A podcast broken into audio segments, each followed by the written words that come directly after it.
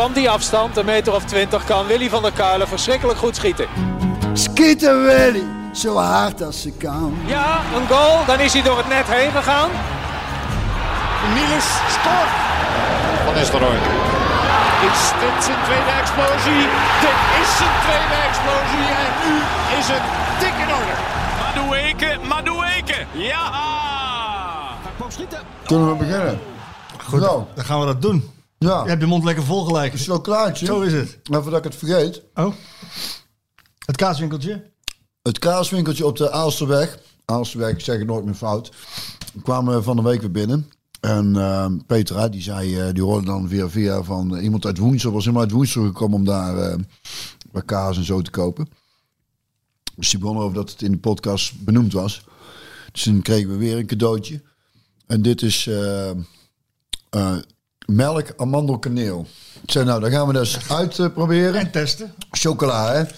Chocola, ik leg hem hier neer en dan kunnen we straks kunnen we, kunnen we, kunnen we gewoon een stukje pakken, hè? Gaan we doen. Gaan we doen. En dan zullen we zeggen hoe die bevallen is. Heel- Dus even dat ik denk dat hebben we dat in ieder geval gehad. Ben je het niet vergeten? We hebben, het is eh, eh, seizoen 2, Skieten Willy, Ja. aflevering 17. Ehm wordt een mooie podcast. Allereerst, eh Ja. Sjoerd is er niet. Sjoerd heet vandaag Matthijs. Ja, Matthijs, welkom. dat is al eerder hier geweest, hè? En het was uitstekend bevallen. Niks te nadelen van Shoot overigens. Ook een topper. We hebben eigenlijk een, gewoon een gouden duo, hè? Zo is een dat. beetje Niels van Nistelrooy is het, hè? Maakt eigenlijk niet uit wie er eh, zit. Het is altijd goed, hè? Is altijd goed.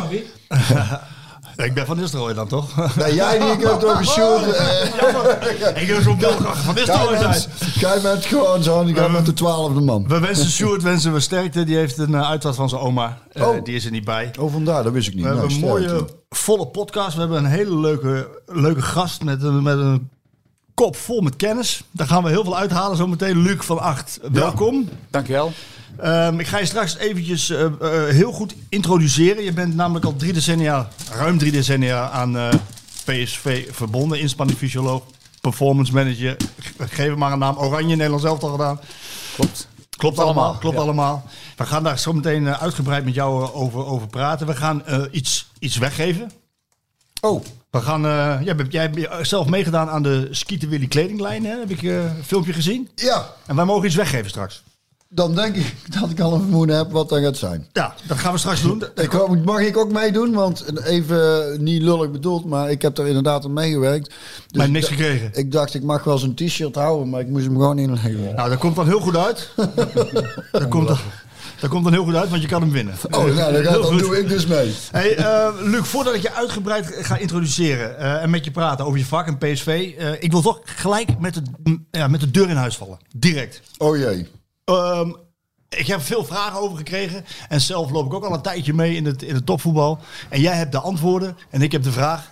Hoe kan het dat een jongen van 19 in zo'n korte tijd... Maar de weken, nou niet maar de Oh ja, hebben we het over. ja. Dat die, dat die, want ik wil graag inzicht krijgen in hoe dat dan werkt in een spier. Nou, we hebben laatst een mooie presentatie een keer gehad hè, over een mooi nieuw computergestuurd model waarbij jullie 3D-echo's kunnen maken van spieren. Dit zou dan een mooie casus kunnen zijn, denk ik dan. Hè? Want hoe kan het dat een jongen vier keer in een kalenderjaar, drie keer in korte tijd een hamstring scheurt? Ja, dat is een eh, korte vraag en een heel complexe antwoord. En, eh, Maar probeer het eens. Ik zal daar iets over proberen te vertellen. Ja. Eh, dit is overigens iets wat uiterst zelden gebeurt. Dat, eh, dat, je, dat je dit ziet. Kijk, je hebt, je hebt natuurlijk... eh, voetbal is geëvolueerd van een, eh, een, ja, ik zeg maar een redelijk simpele spelsport... naar een eh, interval sprintsport. Dat, dat is tegenwoordig zo. High intensity runs, hè? Ja, en je, precies die, die term. En dat was natuurlijk al wat langer be- geleden bekend. En en vroeger was de, de topic was, enkel- en knieblessures. ja. En dat is geëvolueerd naar eh, het merendeel van de blessures bij voetballers bestaat uit spierblessures en dan met name hamstring. Ja. En dat is niet raar, omdat dat juist een sprintgerelateerd letsel is. Ja.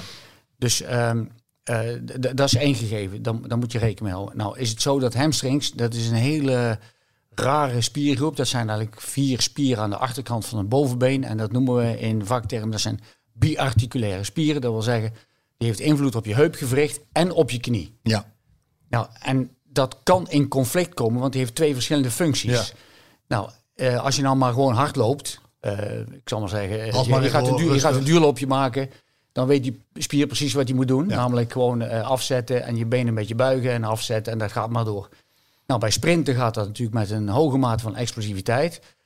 En bij spelsporten, en voetbal is daar natuurlijk ook een van, gaat het om eh, starten, stoppen, eh, draaien, wenden, keren. Dus die, die spier die wordt heel erg ingewikkeld belast in meerdere functies, in verschillende richtingen, op verschillende intensiteiten.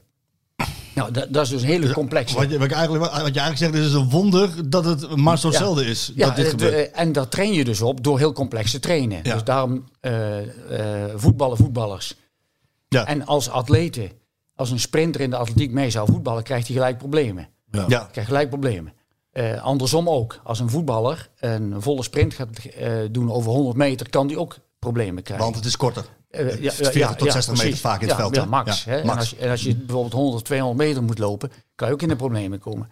Dus in principe is die, is die spiergroep erg blessuregevoelig. Ja. Nou, daar wordt van alles aan gedaan door coaches, door strength and conditioning coaches, door fysiologen om, in, in programma's. Nou, maar je ziet af en toe heb je een speler, en dat zijn vaak wel spelers die extreem explosief zijn. Zoals Maduweke. Eh, Precies, eh, dat, is een voorbeeld. Robben. En- Ja, Robben ook. En dat, dat wil dan niet zeggen dat, dat die altijd die blessure moeten krijgen. Maar je hebt natuurlijk eh, soms spelers die zijn daar op een of andere manier gevoelig voor. En dat duurt soms heel erg lang voordat je er precies achter bent. Ehm, eh, hoe het precies komt, daar kom je niet altijd achter. Daar zou die techniek die we, die we eh, geïntroduceerd hebben, of tenminste Zou dat- ja. waar we onderzoek mee gaan doen, zou daarbij kunnen gaan helpen. Dus dat is een van de redenen waarom we dat doen. Maar je komt er ook pas na. Het kan zijn dat je na een tijd erachter komt Dat- hoe je zo'n speler nou precies moet belasten. Ja. Want dat is heel, dat is heel lastig. Ja, dat is, al, dat is al een mooi inkijkje en een mooi inzicht in, in hoe dat gaat bij zo'n jongen.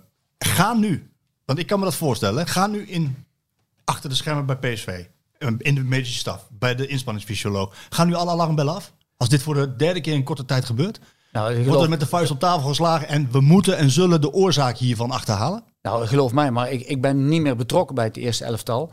Eh, maar ik weet zeker. Zo was het altijd wel natuurlijk. Ja maar, ja, maar ik weet zeker dat na die eerste hamstringblessure van hem. En zeker bij de tweede, dan, dan gaan eigenlijk al min of meer alarmbellen af. Want er wordt altijd gedacht, een, een spierblessure is een blessure die, die komt niet door een, een impact, door een botsing of door Nee, weet ik wat. door dat, noemen, contact. dat noemen wij vaak een, eh, zeg maar, overbelastingsletsel. Of onderbelasting? Of dat kan, hè, maar, maar het is dus in ieder geval niet een. een het is geen impactletsel. Nee. Er wordt altijd gekeken, direct, direct wordt er door de medische staf, eh, eh, coach en eh, fysieke staf wordt gekeken van wa- eh, waar zou het dan kunnen liggen? Waar, waar, waar, waar zou de fout liggen? Heeft hij te weinig rust gehad of te hard getraind of hebben we iets overgeslagen? Dat, dat is altijd het geval. Gebeurt dat een tweede keer? Nog ja, extra? nog extra, dan gaat er nog extra onderzoek. Ik kan me herinneren dat hij eh, afgelopen weekend gaf hij zelf in een interview aan, Madueke, dat hij dus zijn, zijn, zijn, zijn, trainingsvorm en zijn oefeningen die hij individueel moet doen om te voorkomen dat hij geblesseerd raakt, dat die veranderd waren op grond van een hele analyse. Dus hij had een gefundeerd programma en dan gebeurt het toch. En dat is, eh, kijk, je moet je voorstellen, in de top, en of het nou voetbal is of welke sport dan ook, zit je altijd op het randje. Altijd op de max, hè? Altijd op het randje. En de ene keer kukel je er vanaf en de andere keer blijf je erop. Dus een heel, eh, heel dun. Het is een dun lijntje. En ehm, het is super vervelend voor hem en voor de club dat dit weer gebeurt. En daar, daar gaat ongetwijfeld weer van alles aan gedaan worden. Om, om, eh, en eventueel wordt er nog extra kennis bijgehaald. Of, eh, Ja. er, is, er is natuurlijk ook een internationaal netwerk waarin mensen eh, ja, de expertise inroepen van, van een ander. En we zitten met PSV al sinds heel lang zitten we in, die UEFA, in een UEFA-studie over blessures. Als, als een van de eerste clubs, ik denk wel bijna twintig jaar. En daar bouw je inmiddels ook een netwerk op waarin eh, eh, specialisten zitten die meer weten over een enkel, nog meer weten over een hamstring. Jullie hebben een fysiotherapeut die is afgestudeerd op het voorkomen van uh, hamstringblessures. Preventie hamstringblessures. Ja, ja. Nou ja nou, dus, dus, dat, dus die kennis zit er. En dan zie je, ondanks al die kennis, kan er toch... En daar kun je niet altijd de vinger achter krijgen. En dat is, maar, maar, maar dat zou uiteindelijk moeten om het te voorkomen. Ja, toch? dus- of dus moet hij gewoon sterker nog worden of zo? Of- of- D- dat, dat zou een, dat zou een eh, methode kunnen zijn, maar dat werkt niet altijd. Nee. Hè, dus dat is heel individueel. en, en hoe gaat dit verder? Want ik weet, je bent natuurlijk geen psycholoog, hè? Sorry Björn, ik, ga, ik, ik, vind het heel, eh, ik vind het super interessant. Ja. Dus lekker door, joh. ik ben geen psycholoog, maar hoe gaat dit mentaal werken bij zo'n jongen? Want dit is, kan, kan hij zijn lichaam nog vertrouwen? Nou ja, dat, dat gevoel, hij is jong, hè? Hij is heel jong. Kijk, je zag gisteren eh, het, het beeld, was een heel triest beeld, Ja, hoe heel die zat. Hij ging zitten. Ja. Hij ging Hij zitten. ging zitten en hij was met zijn hoofd aan het schudden. En die gaat natuurlijk ook door zijn hoofd van... Jeetje, hoe is het mogelijk? Ik heb van de week ben gedaan. ik ingevallen. Ik heb hartstikke goed getraind. Ik ben goed gerevalideerd. Ik heb een nieuw programma. Alles gaat goed. En nu... Dus die gaat zich dat ook afvragen. Nou, dat betekent dat er, dat er heel veel van hem gevraagd wordt. Aan geduld en eh, rust. Eh, maar goed, hij, hij is jong, wil natuurlijk zich eh, manifesteren. Maar dat heeft ook consequenties voor, de, om, voor zijn omgeving. En dat, dat, dat is dus de, eh, voor een heel groot deel zit dat in de staf. Is dat in, ingekapseld in, in allerlei disciplines. Ja, dat mensen zich dat, op dat vlak ook met hem bezig gaan. En dat, dat, ja, al, als het nodig zou zijn, wordt daar hulp ingeroepen. Maar, maar goed, dat, dat is per individu heel verschillend. Maar het is natuurlijk, eh, je- praat over een speler en we praten niet over een hamstring. Nee, het is, het is En- maatwerk. En, En, en, en, die, eh, ja, het is dat- mens, hij is ook mens inderdaad. ja, en dat hebben we natuurlijk vaak genoeg meegemaakt met spelers die langdurig geblesseerd zijn of een herhaalde blessure hebben. Dat, dat die eh, ja, extra aandacht, ook ook wat afleiding, niet altijd meer bij, bij andere spelers moeten zijn. Maar dat, dat, dat die ook eens een keer op een andere manier moeten revalideren. Nou, noem maar op. Er zijn allerlei dingen denkbaar, maar dat heeft vaak met, met mentaal te maken. Het is bij hem, ehm, ik heb me daar een klein beetje in verdiept, was het eh, de, de, dit seizoen dan. Hè? Want het is vier keer in een kalenderjaar gebeurd, maar dit seizoen drie keer. Eh, De, de, de eerste keer in het ene been, tweede keer in het andere been. Ik weet niet in welk been het nu is, maar... Dat weet ik ook niet. hè. Maar, maar goed, maar het is de eerste keer in het ene been, tweede Dus het is, het is niet één eh, spier, één hamstring die... Het zijn in beide Ja. benen. Blijft dat... Blijft dat, eh, is, is dat blijvende schade en, en blijft dat een zwakke plek? Of Nou, kan dat ook weer heel sterk worden? Ja, in principe is het zo dat eh, vaak ga- ga- gaat het in, zoals we het noemen, in de spierbuik. eh, zit er dan een, een scheurtje. En dat ligt, het ligt er maar net aan hoe groot het is. We hebben ook wel eens ooit iemand gehad die scheurde zijn hamstring zo ongeveer af. Dus een van die vier spieren gaat bij de peesaanhechting scheurt los. Ja, dan moet je geopereerd worden. Ik heb hebben ooit met uh, Toivonen gehad. Die, Ja. eh, eh, dat was overigens ook iets waarvan wij achteraf zeiden... wij hebben het waarschijnlijk toch niet helemaal goed gedaan. Ja. Eh, omdat hij eh, net terugkwam uit een. ehm, ik dacht dat. eh, een. ehm, ja. Een erg stressvolle situatie bu- bu- buiten PSV. Mhm. En nou weet ik niet meer of dat was of dat nou om een transfer ging of iets in de familie. Maar hij kwam terug. En toen hadden wij een hele, hele intensieve training met intervalsprints. Mhm. En dan had je eigenlijk moeten zeggen: eh, jij moet nou even dat niet meedoen. Ja. En hij was zeer gebrand om Want dat kun je zien in de data. Hè? eh, ja, ja, nou ja, de- toen, nog hadden, we- niet, toen toen nog hadden we nog niet. Maar dan is gewoon ook, dat is ook voortschrijdend inzicht van trainen. Is dat je van ja, maar dan dus net niet. Ja. En die scheurde toen vreselijk die, eh, die hamstring af. Die is toen in Zweden geopereerd. En dat is allemaal goed gekomen. Maar als je dus niet, als die zo'n eh, zo'n ingreep niet nodig is, en dat is in, in het overgrote deel van de gevallen niet, herstelt zo'n spier zich met eh opbouw van littekenweefsel. Dus een, je moet je voorstellen, als je een elastiek hebt en je, Ja. je doet er een touwtje tussen. Hè, dus eh, het elastiek is kapot Ja. en je doet er een touwtje tussen. Het touwtje rekt niet meer. Elastiek wel. Nou, zo'n litteken is minder elastisch, maar die spier wordt nog wel sterk. En bovendien gaan ook andere structuren in die spier dat overnemen. Dus het hoeft hoeft niet te betekenen dat dit een blijvend zwakke plek is. Duidelijk. Dames en heren, eh, Luc van Acht, fi- fijn dat je dit gelijk Ja, kan. mooi, want ik vind dat wel, want ja, iedereen vraagt zich dat af. Hoe kan dat? En, ik- er wordt, en de het punt is, wordt heel vaak heel snel gewezen naar of naar, eh, ik zal maar zeggen, de medische staf, of, Of- de trainer, of ja. de fysieke coach, of weet ik veel wat. Eh, maar Ja, er zal ik, iets ik, zijn. Ik, ik hoop dat ik het heb duidelijk kunnen maken dat het super complex is. En dat het natuurlijk zo is dat bij iedere topclub daar mensen, eh, ja, die liggen daar bijna wakker van. Ik heb daar zelf meegemaakt. Hè, in, in, in, in Dat kan ik me ook voorstellen, Dat, dat je zegt van, hoe is het mogelijk? Ik denk dat, ik denk dat we alles goed gedaan hebben. ja. En hoe had, zouden we het anders gedaan hebben? Nee. En toch gebeurt het. Ja. Ja, en, en dat, dat is het op het randje. Ja. Het op het randje presteren en je weet, je weet het nooit precies. En wij zijn natuurlijk altijd op zoek, met z'n allen, het, eh, al, ik denk heel mijn carrière, op zoek naar de holy grail. Van hoe kan ik iemand belasten in relatie tot zijn belastbaarheid. Ja. Op dit moment. Ja. Vandaag. Met de kennis die we hebben. ja, en, dus vandaag gaan we trainen. Ja. 27 man op het veld, Ja. 26. Er zijn, alle, er zijn 26 verschillende biologische regelsystemen. En die, dan zeggen we, we gaan, dit- we gaan dit doen. Ja, eh, eh, ik, ik hoop maar dat het voor allemaal goed is. Ja, Ik en vind het vooral heel interessant, sorry, maar dat vind ik heel interessant dat je aanhaalt. Want het is voor het eerst dat ik dat hoor. Dat als iemand niet, als je uit een stressvolle situatie komt, dat hij dan minder belast moet worden. Ik vind dat wel echt, dat, vind Ja, ik, maar dat is is- wel een verrijking eigenlijk, denk ik. Omdat Ja. dat je daarmee aangeeft hoe, hoe, hoe, hoe- nou ja, Complex. Hoe, hoe complex het is. Het is nog complexer dan je al denkt. Hebben wij ook moeten leren. Ja. Kijk, het is niet voor niks dat onze spelers, ook op de academie en bij het eerste elftal, dat, dat, dat, dat klinkt, dat klinkt soft, hè? Maar dat, dat is, die vullen iedere dag op de app vullen die een vragenlijst in. ja. Van een aantal vragen. En dat gaat, dat gaat over, Over slaap, slaap, slaapkwaliteit, over welbevinden, over spiergevoel. Over hoe zwaar ze de training gevonden hebben het, het, eh, de dag ervoor. De, nou, daar zitten met een aantal sportwetenschappers, die hebben daar een, eh, een model voor gemaakt op grond waarvan je een soort stoplichtsysteem krijgt van eh, groen, rood, oranje. ja. Zodat de medische staf en de trainer Weten. eh, weet. En wat vaak de, de, de crux is, dit is aan, die, dat kan aanleiding zijn voor een gesprek. Kijk, die spelers komen allemaal binnen, die worden in de ogen gekeken. Hoe is het? eh, Je hebt een beetje inschatting. Ja. Die hebben die lijst ingevuld. Stel dat er een eh, rare afwijking zit ten opzichte van het daggemiddelde. Of Ja. in relatie tot de wedstrijd die dag. Dus bij- bij wedstrijddag min 1 of wedstrijddag min 2 kan dat per speler verschillen. Als die dus uit zijn eigen eh, systeem zit, dan eh, eh, hoe is het? Ik, zie- ik zie bij jou slecht geslapen. Komt Stoplicht oranje. ja, Ik heb zo, die, die kleine die was hele nacht aan het janken en dit en dat. En, Nou, dat kan een, kan een reden zijn, afhankelijk van het type training. Dat, dat, dat deel je met de coach. Dat de coach zegt, ja, wacht even. Maar dan gaat hij Even wat minder. de scherpe kantjes eraf. Het, is, het is echt maatwerk, hè? ja, er wordt steeds per- meer maatwerk. Per speler, hè? ja, En, en dat is... Want, eh, want, want spieren zitten ook bij spelers anders in elkaar. Maar tuurlijk. een- ja. ja. heeft de ene lange me- ledemaat, de heeft Daar gaan we het zo uitgebreid verder over hebben. Want ik merk al, ik kan er een uur over praten. En dat gaan we ook doen. Eh Björn, hoe is het met jou?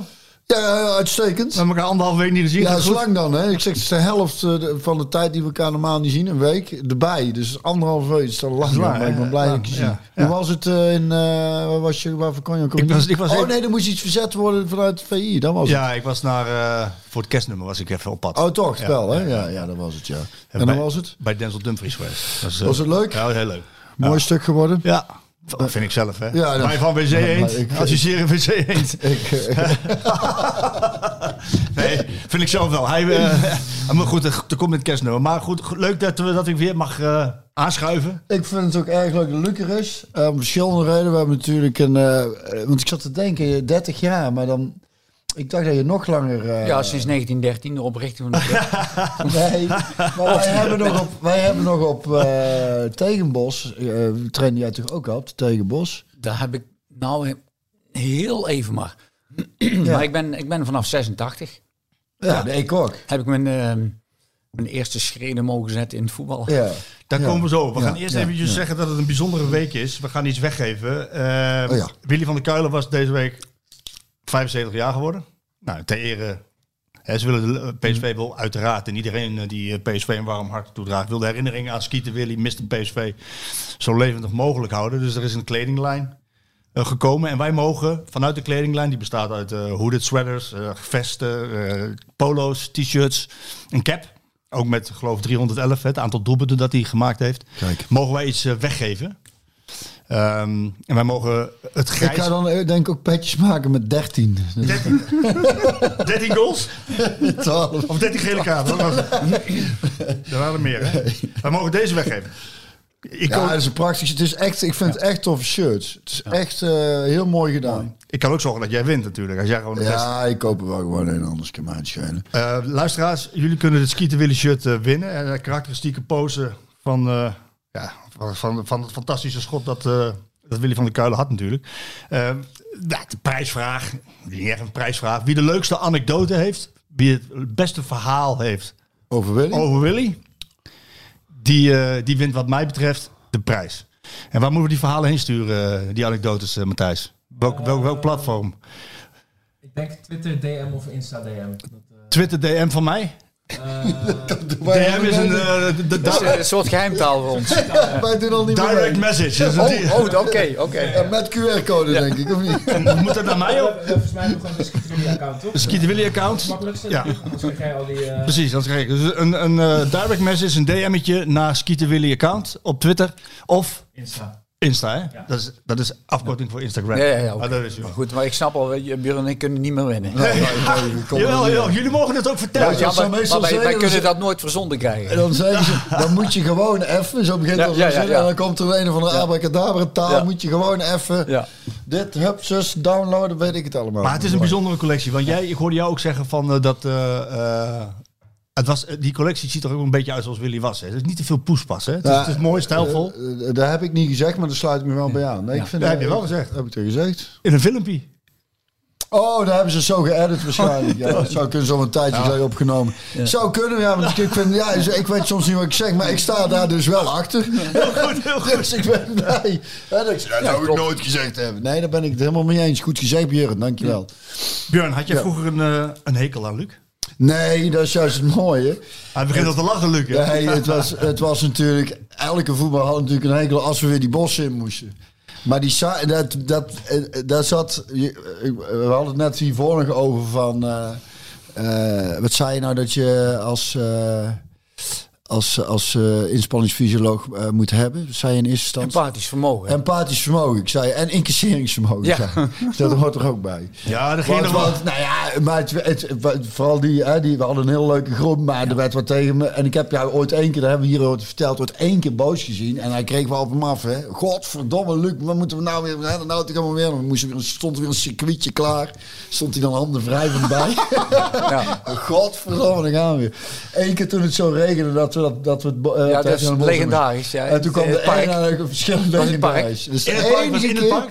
In het Ja, park. ja, want we konden, het, het regende, of het was zo nat dat we eh, de bos achter de hertgang hebben een rondje van anderhalve kilometer. Een zeer geliefd rondje. Maar dat was te, te, we konden niet belopen. Dus aan de overkant, dus Ja. de spelers denken, "Wauw, we kunnen niet gaan lopen, want eh, het is te nat.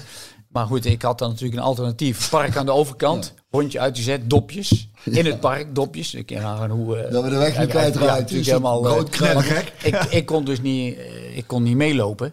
Dus het was of fietsen of ik moest aan de kant de boel in de gaten houden. En het regende en het regende. Dus op een gegeven moment die ronde.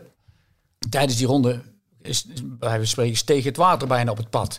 Dus ze liepen eigenlijk alleen maar door de plassen. Dus er werd vanuit die spelersgroep een enorme hoeveelheid kabaal gemaakt over onverantwoord hoe het was. En Veel gevloek. ze- En toen ging ik natuurlijk uit protest, mijn poot stijf nog een ronde. dus, dus die ronde doorlopen. Nou, en toen was het in ieder geval eh, een hoop, hoop tumult. Dus ik was, ik was gewoon ziedend toen. Over dat gemekker van, hen- van hen. En toen werd de training afgebroken naar binnen. En toen was Gerards coach. En Gerard die zei van, eh, oké, eh, als het zo moet, dan gaan we ook nog vanmiddag trainen. dus, Maar, of we gaan, gaan ja, ja, dus, dus dat, ja, dat was, oh, ik mag niet op de tafel slaan. Jawel, maar- maar eh, ja, dat was natuurlijk... eh, Maar toen hebben we, dat was die dag dat wij uiteindelijk, want Geert was ook helemaal van over de zeik, Ja. dat, dat we uiteindelijk zetten Harry volgens mij een eh, iets muziek, van Polonaise. Ah, de Polonaise door de- door de- door de bij kantine. Polonaise. Oké, dan gaan we toch gewoon nog een keer trainen, kan dat was wel af en Ja. toe wel aan van die groep. Maar je hebt hem nooit vervloekt van verdomme. Nee, we hebben best veel. Ik heb nog, eh, ik had laatst nog met eh, eh, Frans eh, van Nieuwhof eh, over. Hè. Die was laatst hier. Dat is trouwens ook nog een leuke anekdote. Dat eh, vertel ik zo wel. Maar ehm, wat wou ik nou zeggen? Nou, Dat ik veel te, in de- natuurlijk veel op de bank zat, maar dan wel altijd veel extra heb getraind. Met name met Jurgen Dirks en zo. We hebben nog vaak na Ja, een training van die sprinttrainingjes en paastrappen. Daar- Daar had Luc dan verder niks mee te maken. Maar dat, eh, ik vond die wisselwerking was altijd, was altijd eh, die heb ik wel eens prettig ervaren. En, eh, en het is veel werk, maar het moet wel gedaan worden. Hij ja. zei, Frans van Urenhof, die noemde je net, die heeft ooit een keer in de krant een stuk geschreven naar aanleiding van een trainingskamp destijds in de Roosep. Stond er boven Bul met de zachte hand. ja. Dat, dat was ook wel een goede Ja, dat was- dat was het wel een goede typering, want je moet gewoon, ja, eh, spelers moeten hard werken. Ja, maar ze zullen ook uiteindelijk jou dankbaar zijn, toch? Want je, moet, je moet toch een bepaalde basis Ja. kweken om Ja, eh, volume kweken. Ja, Nou ja, dat- is zo. hetzelfde verhaal wat je net vertelde voordat we begonnen over eh, Mendes. Dat, eh, ja, nou ja. Edison Mendes. mooi. Edison Mendes destijds waren we op eh, trainingskamp. Dat was met Ronald Koeman als coach destijds in La Manga. En Mendes was eh, geblesseerd. En geen grote blessure, maar die kon niet meetrainen met de groep. En goed, die eh, moest bij mij trainen. Dat was in januari, hè, voorbereiding voor de tweede seizoenshelft. En ehm, ja, dan moet hij een individueel programma doen. En mijn filosofie was altijd dat afhankelijk natuurlijk van de staat van, status van die speler en welke fase van het seizoen, moet je proberen om zo dicht mogelijk bij eh, het trainingsintensiteit, volume te komen van die groep.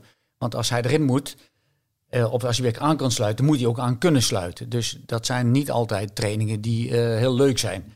Het is sowieso nodig. alleen, maar het is nodig. Het is hard werken, veel herhalingen. Ja. Nou, dat weet je als, eh, als revalidatietrainer op dat moment, weet je dat. En probeer je die speler daaraan mee te nemen. Nou is er natuurlijk een beetje discrepantie in taal. Want het is Spaans en Nederlands. En de hele discrepantie in cultuur. Alleen Mendes was gewend om hard te werken. Na de training geeft hij mij een knuffel in één keer. Eh, Ik denk, eh, hij, is, eh, hij is doorgeslagen. Hij is, eh, hij, is, hij, is, hij is helemaal de weg kwijt door die training. Maar toen, zei, toen, maakte hij, zuurstof. toen maakte hij dus de vergelijking met hoe dat ging, wat, wat hij gewend was. Dat hij een fysieke trainer had, de preparador fysico, die aan de kant stond en alleen maar stond te bulderen van nog tien herhalingen of nog zes of, en een stopwatch en verder niks. En ik probeer altijd, probeer altijd die speler mee te nemen in het traject en te stimuleren en voor te houden waarom, dus uitleggen. Dus te, be- te betrekken, deelgenoot te maken van zoiets. En dan moet je wel ook enthousiast zijn richting zo'n speler. Nou, dus hij was mij dankbaar voor die training. Want hij kon de volgende dag weer meetrainen. Ja, ja dat is nou, een dat- goed ja, voorbeeld. dat is maar leuk. Dan, dan ben jij eigenlijk zo empathisch. En dan doe je dat ook nog met een groep. Je kent ze ook, de voetballers. Er zitten maar een hoop cynische gastjes tussen. Ja, die- die- En die, en die geven dan, eh, de kleedkamerhumor komt dan, Ja. eh, en die gaat, die gaat richting jou. Ja, die dus je geeft liefde en wat krijg je dan terug? Die heb ik wel meegemaakt. Hè. Die, eh, dat, dat is nu, nu overigens wel weer anders hoor. Dat is veel minder. Maar dat was in, in de tijd van Björn en Was meer, hè? rondom veel meer, veel meer cynisme. En dan was, ja, ik was Ah, ook grappig cynisme. Natuurlijk, kijk, dan, Ja. maar dan moet, dan moet je tegen kunnen. Kijk, het is ook een, het is ook een spel. Ja. Ja, Kijk, ja, eh, nou, precies. ik deel uit, Ja. hè, in de zin van... eh, Hier, alsjeblieft, nog een paar meter. Ja, we gaan nou even een shuttle run doen. Ja. Shuttle run test. Ja, godverdomme. Verdomme. nou, dan gaat, wat gaat er gebeuren? Die spelers proberen mij te jennen. Dus, dus dat, dat was toen nog, moet je je voorstellen, hadden we zo'n cassettedek Ja. op het veld staan. Ja, Met van die piepjes. ja. Met die piepjes. En dan ging natuurlijk het bandje eruit. En dan zat André Hazes erin. Dus toen we begonnen, toen we begonnen was in één keer Hazes muziek. Ja, ik, wist dat niet. Dus ja, Jij zet hem aan. ja, dus dat is, natuurlijk dat is gieren brullen. En voor die spelers natuurlijk, iedereen. eh, Ja, uiteindelijk weten die spelers ook wel, we gaan toch lopen. Ja. Dus dan moet je het spel meespelen. En dan moet je natuurlijk in het theater van, god, domme belachelijk. En wie heeft dit gedaan? En, eh, nou, maar vervolgens had ik eh, de oude, oude Gerrit. Dat was de, de, ik zal maar zeggen, de... Ja, een terreinknecht niet, maar zijn post. Ja, oh ja, ja, ja. Ik zeg Gerrit, de volgende keer naast die radio gaan staan en blijven staan Ja. dat er niemand aankomt. En da- ja, goed. En dat, dat, dat is een spel. En Ja. natuurlijk, je moet incasseren. Want in- ja, ik, ik heb ook wel eens ooit het geintje had- gehad dat, dat ze mijn voorwiel van mijn fiets eruit hadden gehaald en Ja? in, de, in de boom hadden hangen.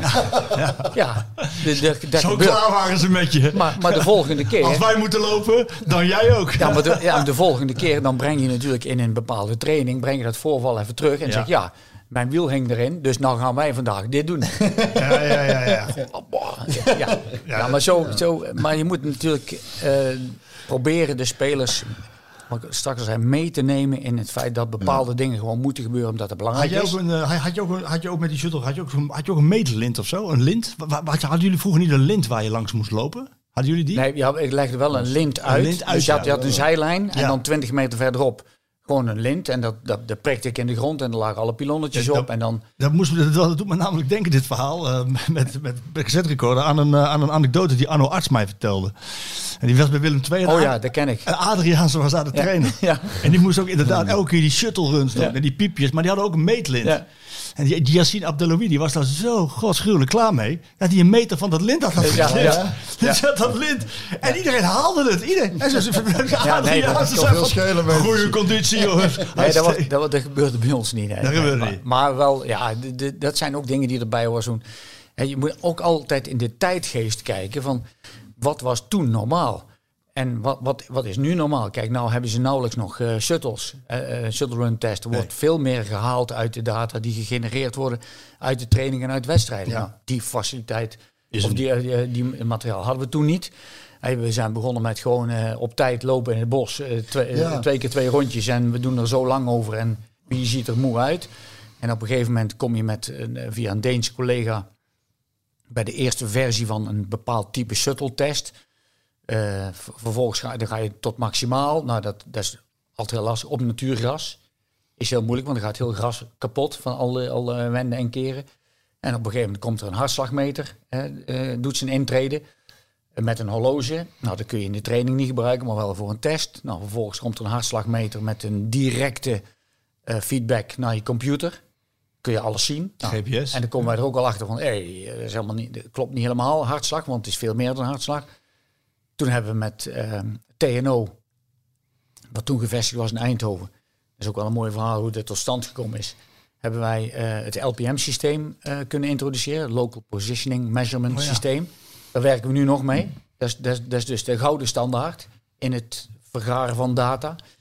En toen zijn de GPS-systemen gekomen. Nou, en, en toen eh, cameradetectie om, om allerlei data te Ja, vergaren. dan weet je precies wat Dat is de iedereen hele doet. hè? ontwikkeling. Je weet precies wat iedereen doet. Hè? Maar toen had je, kunnen we conditie meten van voetballers zonder dat ze op een fiets gaan zitten. Dat was eerst. Ik denk, misschien nog net voor jouw tijd. Of Maar net. wij hebben nog, wij hebben nog Moest je een eh, fietstest doen? Ja, of op een loopband hebben we nog gehad. Loopband hebben we nog Dus geïntroduceerd. Daar ben ik toen mee begonnen. Ja, dan en, en, en dan beginnen met 10 km per uur, twee Ja. minuten. En Ja. dan uiteindelijk tot, daar haalden we 2021, zeg, haalde ik dan. Ja, ja. Ik zat meestal bovenin qua Ja. lopen.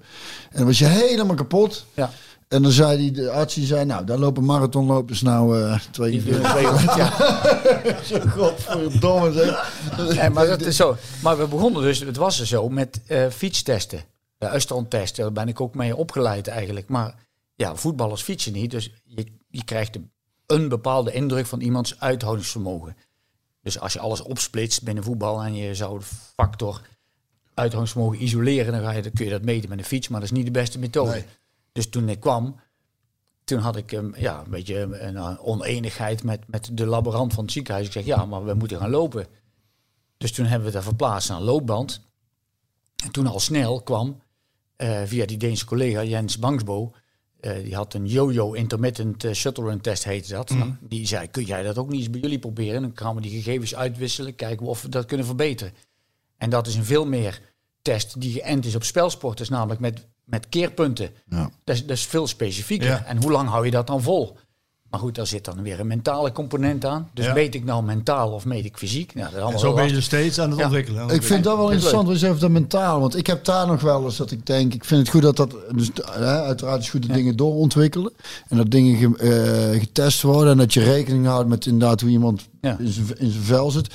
Maar aan de andere kant heb ik toch ook nog, ik zelf persoonlijk, goede herinneringen in die zin, goede herinneringen, dat ik er heel sterk van ben. Dat wij, bij, daar haal ik altijd aan bij Nenske standaard twee dagen op dinsdag het park in ging. Ook al op zondag gevoetbald, wat twee dagen later eigenlijk de slechtste dag is. Maar ergens weet ik ook dat ik nog nooit zo sterk ben geweest als toen. En het is ergens volgens mij ook een soort mentale training inderdaad. Waar Ja. je zegt, als het, hè, als het, als het, eh, als je echt diep zit, je, je kunt zeggen, oké, eh, het metertje staat tot hier en nou moeten eruit. Of je kunt denken van, waar haalt Ja. iemand nog uit? Waar weet iemand nou nog uit zichzelf te halen? Dat vind ik wel een interessant, Nou, dat is een heel moeilijk ding. Nou, maar, kom, daar kom ik er meteen in. oh, fijn. Met een recent voorbeeld. Gisteren. Ja, We gaan straks over die wedstrijd. ja, Straks. Maar even één, specifiek voorvalletje eruit halen. Het is de 60ste minuut. Gakpo komt terug van de blessure, heeft een uur gespeeld. Staat 1-0 achter. PSV moet gelijk spelen of winnen. ja, Schmid wisselt hem. ja. Omdat hij uit de data... Nou, hij, spe- hij, hij speelde ook niet... hij stond in de spits, misschien een, een iets onwennige positie. Hij speelde ook niet heel goed, maar, maar het is wel een jongen die vanuit een flits... Ja, maar daar ben ik niet mee eens. Heel goed, maar jij geeft aan van, misschien wil die jongen zelf wel doorgaan. Ja, maar dat, dat, dat, staat, dat staat hier eigenlijk los van. Ik heb het meer over de manier van trainen. Wanneer zeg je, oké, tot hier en niet verder. Wanneer zeg je, nou ben ik toch benieuwd waar, waar de jongetjes van de mannen worden onderscheiden. Snap je? En dat is, dat is niet meetbaar, denk ik. En dat is omdat je sowieso constant op een grens zit van... Want je wil ook niet dat mensen zichzelf over de kling jagen.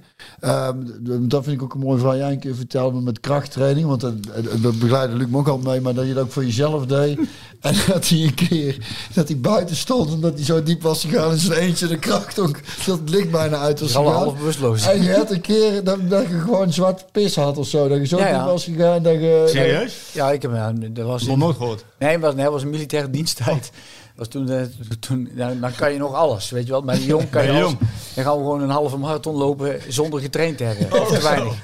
En dan met drie, drie rondjes van zeven kilometer. En dan zie je op een gegeven moment rustig begonnen, maar ik kon mensen gaan inhalen. Dus je gaat steeds harder. Waarvoor?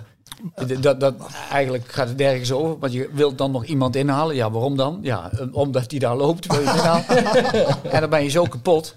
Dat, eh, ja, dus... nou, Maar dan- ik vind dat Nee, maar interessant. ik En- en toen moest, ik- moest ik naar de wc en toen piste ik gewoon eh, Coca-Cola.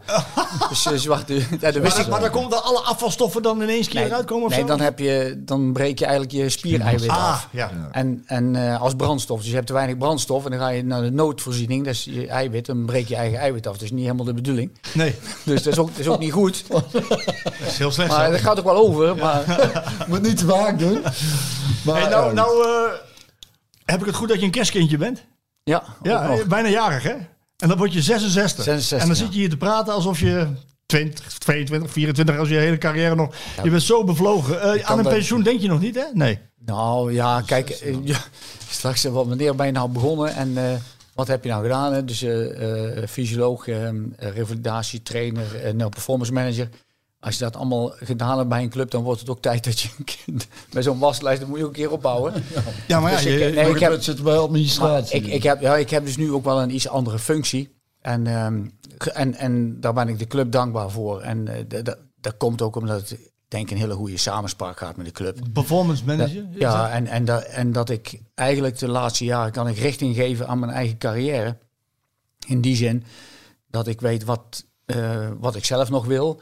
En dat, dat past dan bij de behoeften die de club heeft. En dan kan ik zelf toch een beetje eh, ja, en richting je, geven. En, en ik, ben wel, ik ben wel een, ja, om het woord, ik heb een verschrikkelijke hekel aan het woord afbouwen. Want dat is net van, het pitje gaat omlaag, maar dat is niet. je Alleen, juist van het opbouwen. ik ben alleen, ik heb alleen iets meer grip op mijn eigen agenda. Kijk, Hmm. waar, ik, waar ik op een gegeven moment, dat is al jaren geleden, waar ik er wel een beetje klaar mee was, is dat eh, je ook als fysieke trainer, eh, toen we volledig werkzaam bij het eerste elftal, loop je in de pas met het hele team. En ja, ik eh, maakte in overleg met de coach eh, het programma. En dan stond er een programma, is eh, zaterdag gespeeld, zondag rust, ik noem maar iets. Nou, dan werd er zaterdag kloten gespeeld. En dan zei die coach van, godverdomme, we gaan morgen trainen. Ja, dan heb je thuis afgesproken van, we gaan een keer met de kinderen op zondag naar, weet ik wat. Ja. Ja, dat kan niet, want papa die moet, die moet werken. Nou ja, dat kan iedereen wel. Dat, is ook, dat hoort ook bij het vak. Daar moet je ook, Dat hoort voetbal. moet je ook niet moeilijk doen over doen. Nou, op een gegeven moment Is dat wel klaar? is klaar. En, ik, en goed, en ik had natuurlijk ook fysiek wat, eh, wat problemen. En dan ga je zeggen, nou, eh, toen ben ik ook nog een tijdje weg geweest. Ja. eh, tw- twee jaar. Maar, eh, en sindsdien heb ik een andere functie. En eh, de, de- ik denk dat het ook nodig was op dat moment om, om eh, allerlei vernieuwingen die er gaande zijn in Ja. voetbal, om die een beetje te bundelen en te, te kunnen beheersen. Ja. En te kunnen zeggen, wat willen we Om het- als club nu Om wel. het en tastbaar te maken Ja. voor, de, voor de luisteraars. Je, je staat Ja. tussen de medische staf, de inno- de, het innovatieteam eigenlijk. En, de, de, eh, en met de trainers. Dus je maakt eigenlijk wat er verzonnen wordt aan nieuwe dingen. Maak je eigenlijk pas klaar voor... Ja, de, ja zo ongeveer. Zo'n Kijk, soort- maar het is eigenlijk, als je. Als je het hebt over performance, zoals dat tegenwoordig eh, is in meerdere sporten, is, kijk, je moet altijd zien, de sporter en de, eh, zeg maar, de selectie, dat is de kern. Dus als je een, eh, een ehm, dartboard hebt, Mhm. heb je de, kleinste ring in de spelersgroep. Daaromheen zit de trainerstaf, Mhm. dus de coach, assistentcoach, keeperstrainer enzovoort. Dan heb je een ring daaromheen. Daar zit performance In. Noemen wij performance. Nou, wij hebben dat bij de club gedefinieerd in, onder een aantal pijlers. Dat is strength and conditioning. Dat zijn vaak Engelse termen Engels, tegenwoordig. Dus, eh, dus er zijn fysieke trainers. Dan heb je sportwetenschappers. Eh dat gaat vaak over data. Ja. Eh, dan heb je eh, prestatiegedrag. Dat gaat meer over mentaal aspect. Dan heb je voeding. En dan heb je nog elke data-analyse. In, in- innovaties. Ja, daarin, en, Of, en, nou, en die, dat zijn eh, eigenlijk vijf afzonderlijke pijlers binnen dat performance. Nou, je ziet die pijlers allemaal groeien. Ik ben ooit in mijn eentje begonnen en nu hebben we over de academie en het eh, eerste elftal man of 15 op dat gebied werken. Die zich daarmee bezighouden. En de bedoeling is dat je zoveel mogelijk de trainerstaf direct helpt en indirect ook de spelers. Nou, en, en dat die, om dat te coördineren, ja, dat, dat was dan mijn job. Coördineren en het afstemmen van die pijlers onderling. Ja. En, eh en Ja, daar dus zijn spin allemaal, in het web, zeg maar. ja, en daar heb je nou allemaal hele jonge, vreselijk goede, eh, enthousiaste mensen voor zitten bij de club. Ik denk dat wij gezegend zijn met een, een- enorm eh, hoog, een groep van hoge potentie. Die daar eh, langdurige invulling aan kunnen blijven geven. En dan merk je ook vanzelf, ja, het is nou ook een beetje tijd om iets meer afstand en van, bo- van bovenaf te kijken. Ja. Dus dat, dat is wat ik nu doe. En ik heb me laten vertellen dat je ongelooflijk veel affiniteit hebt met voetballen. Dat je tactisch heel sterk bent. Ja. En dat je... Dat is een sterke punt. sterk- eigenlijk had je niet zoveel voetbal. Het was eigenlijk, a- eigenlijk atletiek, hè? Dat, dat Ja. komt uit de atletiekwereld, hè? At- Atletiek is mijn eh, sport, daar ben ik zelf in begonnen. En ik heb natuurlijk van origine ook gymnastiekleraar, dus ik ben wel breed georiënteerd. Sowieso qua interesse, maar ook qua wa- wa- wat je, wat je moet doen. En we moesten helaas op eh, ek- eh, mijn examen op de academie, kreeg je een, binnen de spelsport, kreeg je één van de spelsporten als eindspel. Dan moet je dan examen doen. En toen troffen wij natuurlijk voetbal, dus dat was verschrikkelijk voor mij. Dus eh, ik, de veiligste plek, de veiligste plek was eh, rechtsachter. Ja, je je- mensen minste schade aanrichten. Zaten, en gelukkig hadden wij eh, destijds Bram Braam in de klas. Voetballer van MVV destijds. En Bram die regelde allemaal wel dat er iedereen wel een beetje fatsoenlijk kon voetballen. Dus dan haalde je dan net een voldoende. Maar echt fatsoenlijk tegen een bal trappen heb ik nooit gekund. Ehm, Hoe kom je dan, als Ja. je geen affiniteit hebt met voetballen, dan toch Ja, bij dus- een van de grootste clubs in Nederland? Ja, dus, de- ik, vind, ik vind het zelf een heel mooi verhaal eigenlijk. Want eh, ik was. ehm, ik, goed, ik heb sportacademie gezeten, dus stond ik voor de klas. Maar goed, ik heb een fysiek eh, probleem eh, gekregen. Wat, wat, ja, waardoor ik eh, niet zo lang voor die klas kon staan. En toen ben ik weer gaan studeren in Amsterdam, bewegingswetenschappen, met afstuderen richting inspanningsfysiologie, zoals dat toen heette.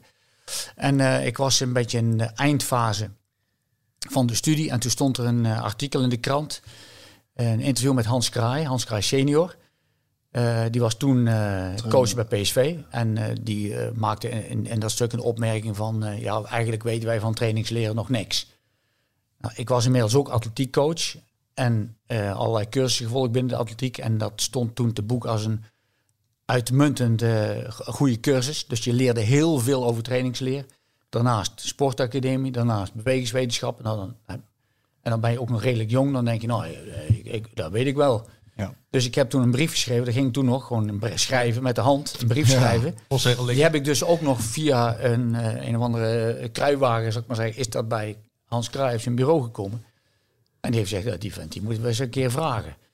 Dus toen ben ik, eh, ben ik gevraagd om eh, op gesprek op de hertgang. En toen zijn mijn vrouw en ik eh, weekend ervoor naar een wedstrijd van PSV wezen kijken. Dat we toch wel enig idee hadden waar het over ging. En heb ik daar gezeten en dan ging het over een paar elementaire vragen over training, training, trainingsprincipes. En zei ze, nou, weet je wat, we gaan beginnen.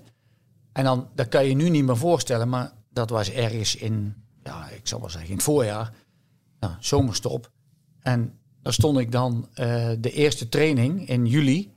Toen begonnen we nog in juli. Stond ik daar met eh, Hans van Breukelen, Sir Lerby. De grote kanonnen. Kieft, eh, Erik Gerrits. Stil weer op dit. Stond ik daar en ik zeg, ja, we gaan, eh, we gaan in het bos lopen. Ja, eh, hoezo? Ik ga in het bos. Ja, dan Hoe oud was je? wordt meteen het worden echt voor de leeuwen gegooid. Maar de- Dus de- de- was je toen? Was je 30 of zo? Eh, even kijken, dat was, ja, toen was ik 31. 31. 31 En die, sta- die mannen zeiden van, nee, dat doen we niet. En eh, die gingen toch lopen. Oh ja. En eh, dat is natuurlijk een hoop gemekker. Maar toen begon dat al. Maar dan word je in diepe gegooid. En dan word je, word je echt... Word je wel, ik ben ook door die spelers ben ik wel gevormd. Ja. Want ik ben natuurlijk ik ben een gymnastiekleraar. Ik trainde met atleten. En daar kan je gewoon iets uit uitleggen. Je moet dit doen, want dan gaat dat gebeuren. Ja, dat doe ik trainer. Als je tegen voetballers zegt, we gaan twee keer drie kilometer lopen. Want dan krijg je goede uithoudingsvermogen van. Ja, dat zal wel. Zo begint het. En, en niks te nadelen, maar dat is een andere cultuur. En dan, moet, en dan denk ik, ja. Dus ik, moest, ik kon twee dingen doen. Weglopen? Ik moest ja, weg, of ik moest me wapenen. Ik moest me wapenen. En ik, ik, ik heb altijd ja, wel het gevoel gehad van, ik kan hier wel mee ontwikkelen. Maar hoe heb je je gewapend dan? Een dikke huid kweken of Ja, iets ook dat. Maar Ook dat. Voor mijn gevoel ook met het gevoel En- voor humor. Hè? Gevoel voor humor. Ja, en je moet, dus- en je- kijk, die spelers zijn natuurlijk niet, die zitten daar niet, eh, die weten ook wel dat ze goed moeten presteren. En die weten ook wel dat, dat- wat er nodig is en dat je ze daarbij eh, helpt. Dat ik daarbij natuurlijk ook fouten maakte. Maar zij ook. Maar Dus dat, waren- uiteindelijk maar dat was een elftal met characters hoor. Dat was zeker. Maar, maar, En, maar- en, dan, en dan kom je, eh, maar wat ook geholpen heeft, en dat heeft eh Hidding verteld, al meerdere malen, heeft Louis Vergaal al meerdere malen verteld, Ik heb ook een opleidingsachtergrond als gymnastiekleraar. Ja. En ik ben, dat is toch bij mij ingeslagen, vier jaar lang, hoe je moet lesgeven. Eh, hoe je, je, je, je, eh, je- wat je wil, dat je dat over moet brengen op anderen. En nou zijn voetballers natuurlijk eh, anders dan schoolkinderen, tot op zekere hoogte ook best wel vergelijkbaar. Ja, ik wou net zeggen, ja. Dus, Maar dat, dat, die, die, die wapens, Ja, eh, die heb je om, dat je die studie gedaan hebt. om, ja. om je staande te houden. Ja, ja. En, en, eh, en, en natuurlijk, die, die spelers waren natuurlijk ook niet om mij af te branden. Natuurlijk niet. Maar waren er ook spelers die je niet kon overtuigen? Want die zeiden van ja, hij kan het allemaal leuk vertellen, maar ik weet zelf al wat ik nodig heb. Nou, dat, dat viel eigenlijk best wel mee. En het was natuurlijk ook zo, Dankjewel. dankjewel, dat, dat ik ook niet, ik, ik bepaal ook niet heel de training, maar, Nee, maar de dat- stukken van ja, training. maar het minst leuke die- deel van de training. En die spelers wisten dat eigenlijk wel. Oké, die gingen daar wel in mee. En dan werd je natuurlijk ook, ik, ook gedekt door de trainer. Dus, in- in- dus als je, Dat scheelt ook, hè? Dus als ik, als ik het eh, even plat sla, dan zit hier aan tafel eigenlijk eh, de man die eh, indirect verantwoordelijk is voor het grootste succes in, de- in de historie van, eh, van Nou, PSV. Nee, Nee, die 88 nee, euro. Ja, ook weer, niet, ook weer niet, want Oh. ik, ik was in 86 begonnen. Maar ja, het was ook dat geweldig om te investeren in jezelf ook. Ik, Ja. kreeg, ik kreeg de kans. En toen kreeg ik denk ik een televisie van Philips en een eh, videorecorder en reiskosten of zoiets. En dan was ik dan een keer of vier eh, eh, bij de club, want ik, was, ik, ik studeerde nog, ik was nog niet afgestudeerd. En ehm, dus echt, echt salaris niet. En toen kon ik in eh 87 een baan krijgen bij de GGD in Eindhoven. Een betaalde baan, echt betaalde baan. En toen dacht ik, ja, maar ik, ik moet ook geld verdienen, Ja. onderhand. Want ik, ik was alweer, ik had extra gestudeerd. Ja, toen ben ik daar eh, overgestapt naar de, G- in 87 naar die GGD. Ja. Dus, dus ik had een maar een jaar gewerkt. En twee maanden later belt Guus Hidding, of een maand later. Luc, eh, luister, we moeten even komen praten. Kom even koffie drinken op de hertgang. Dus ik ga op de hertgang koffie drinken. En dan zegt hij, ja, ja, jij moet niet heel erg op kantoor zitten. Dus eigenlijk- is er geen baan voor jou op kantoor. Daar had hij, hij had gelijk. Dus hij, hij, hij voelde dat perfect aan. Hij zei, je, je moet, we hebben je ook nodig, kom eens wat doen. Hebben we een constructie gemaakt dat ik door die GGD voor twee dagdelen per week werd uitgeleend, verhuurd zeg maar aan PSV. Dat heb ik twee jaar gedaan. Eh, dus, dus tijdens dat, het grootste succes van de club, dan deed ik eigenlijk alleen maar, eh, hielp ik met de revalidatie van een, geblesseerde speler en een klein beetje conditietraining. Dus dat was maar super. echt super deeltijds. Ja.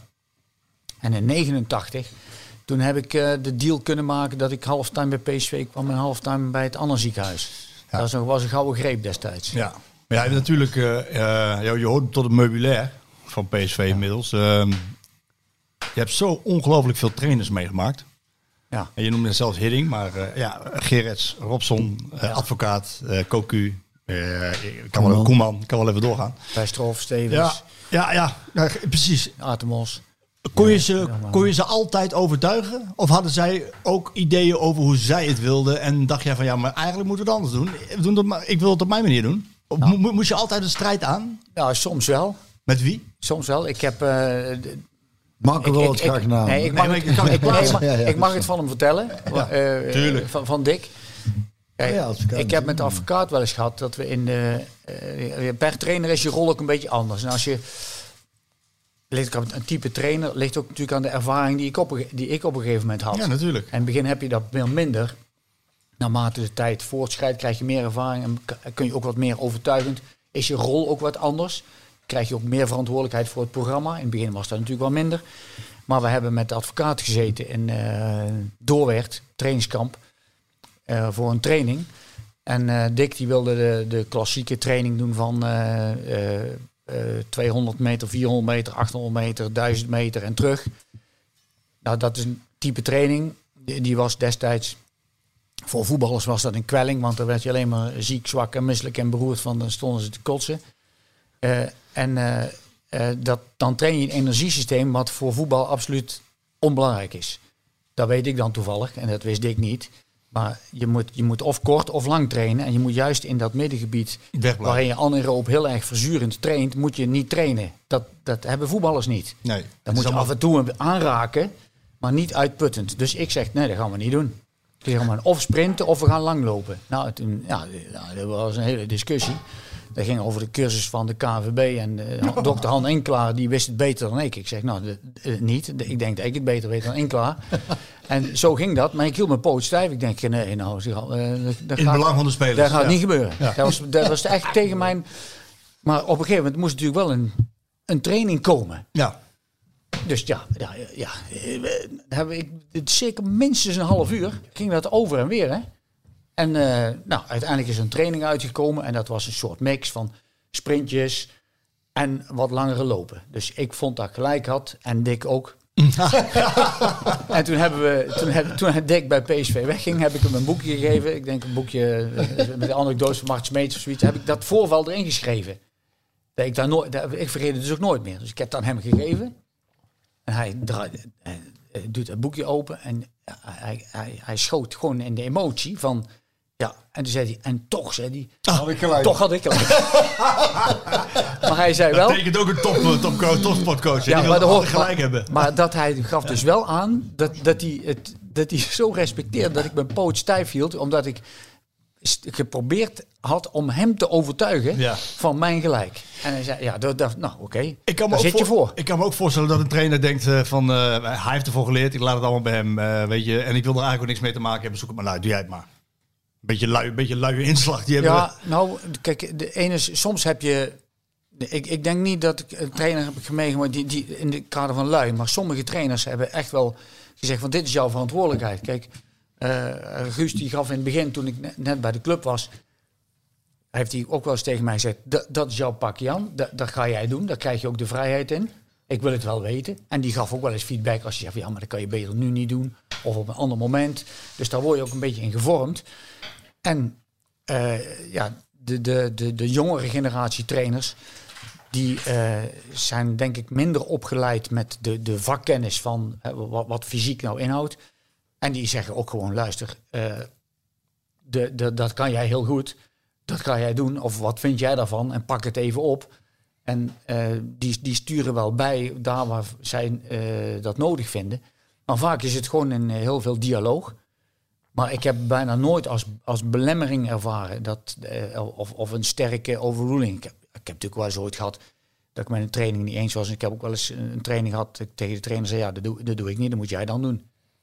En, en je hebt ook een trainer, dat ging het over, was niet tevreden over het spel. Fred Rutte deed dat fantastisch, vond ik. Die, eh, die zegt, ja, we gaan nou lopen. Maar dat ga jij niet doen, dat doe ik. Ah, ja. Ja, Dat vond ik wel heel sterk, want... ja eh, dat is Anders ben de, je altijd de pisang. Ja. ja, ja, en, en, dan eh, schuift hij zich een beetje ja, dat vond ik, vond ik heel, zichzelf vond ik weg, heel ja. sterk. En dat was een, dan sta je aan de kant. Maar, maar Guus had ook, ook, ook dingen dat die, die voelde op een gegeven moment zo van. ehm, daar had ik een training, eh heel, heel de organisatie uit. En dan begon hij met een rondo. En dat rondo mondde uit in een positiespel. En dan ging groter. En dan zei hij, een knipoog naar mij. En dan zei ik, komt wel, komt wel, komt wel. En dan ging die training door. En dan eh, was dat, datgene wat ik van plan was om te doen, ging helemaal niet door.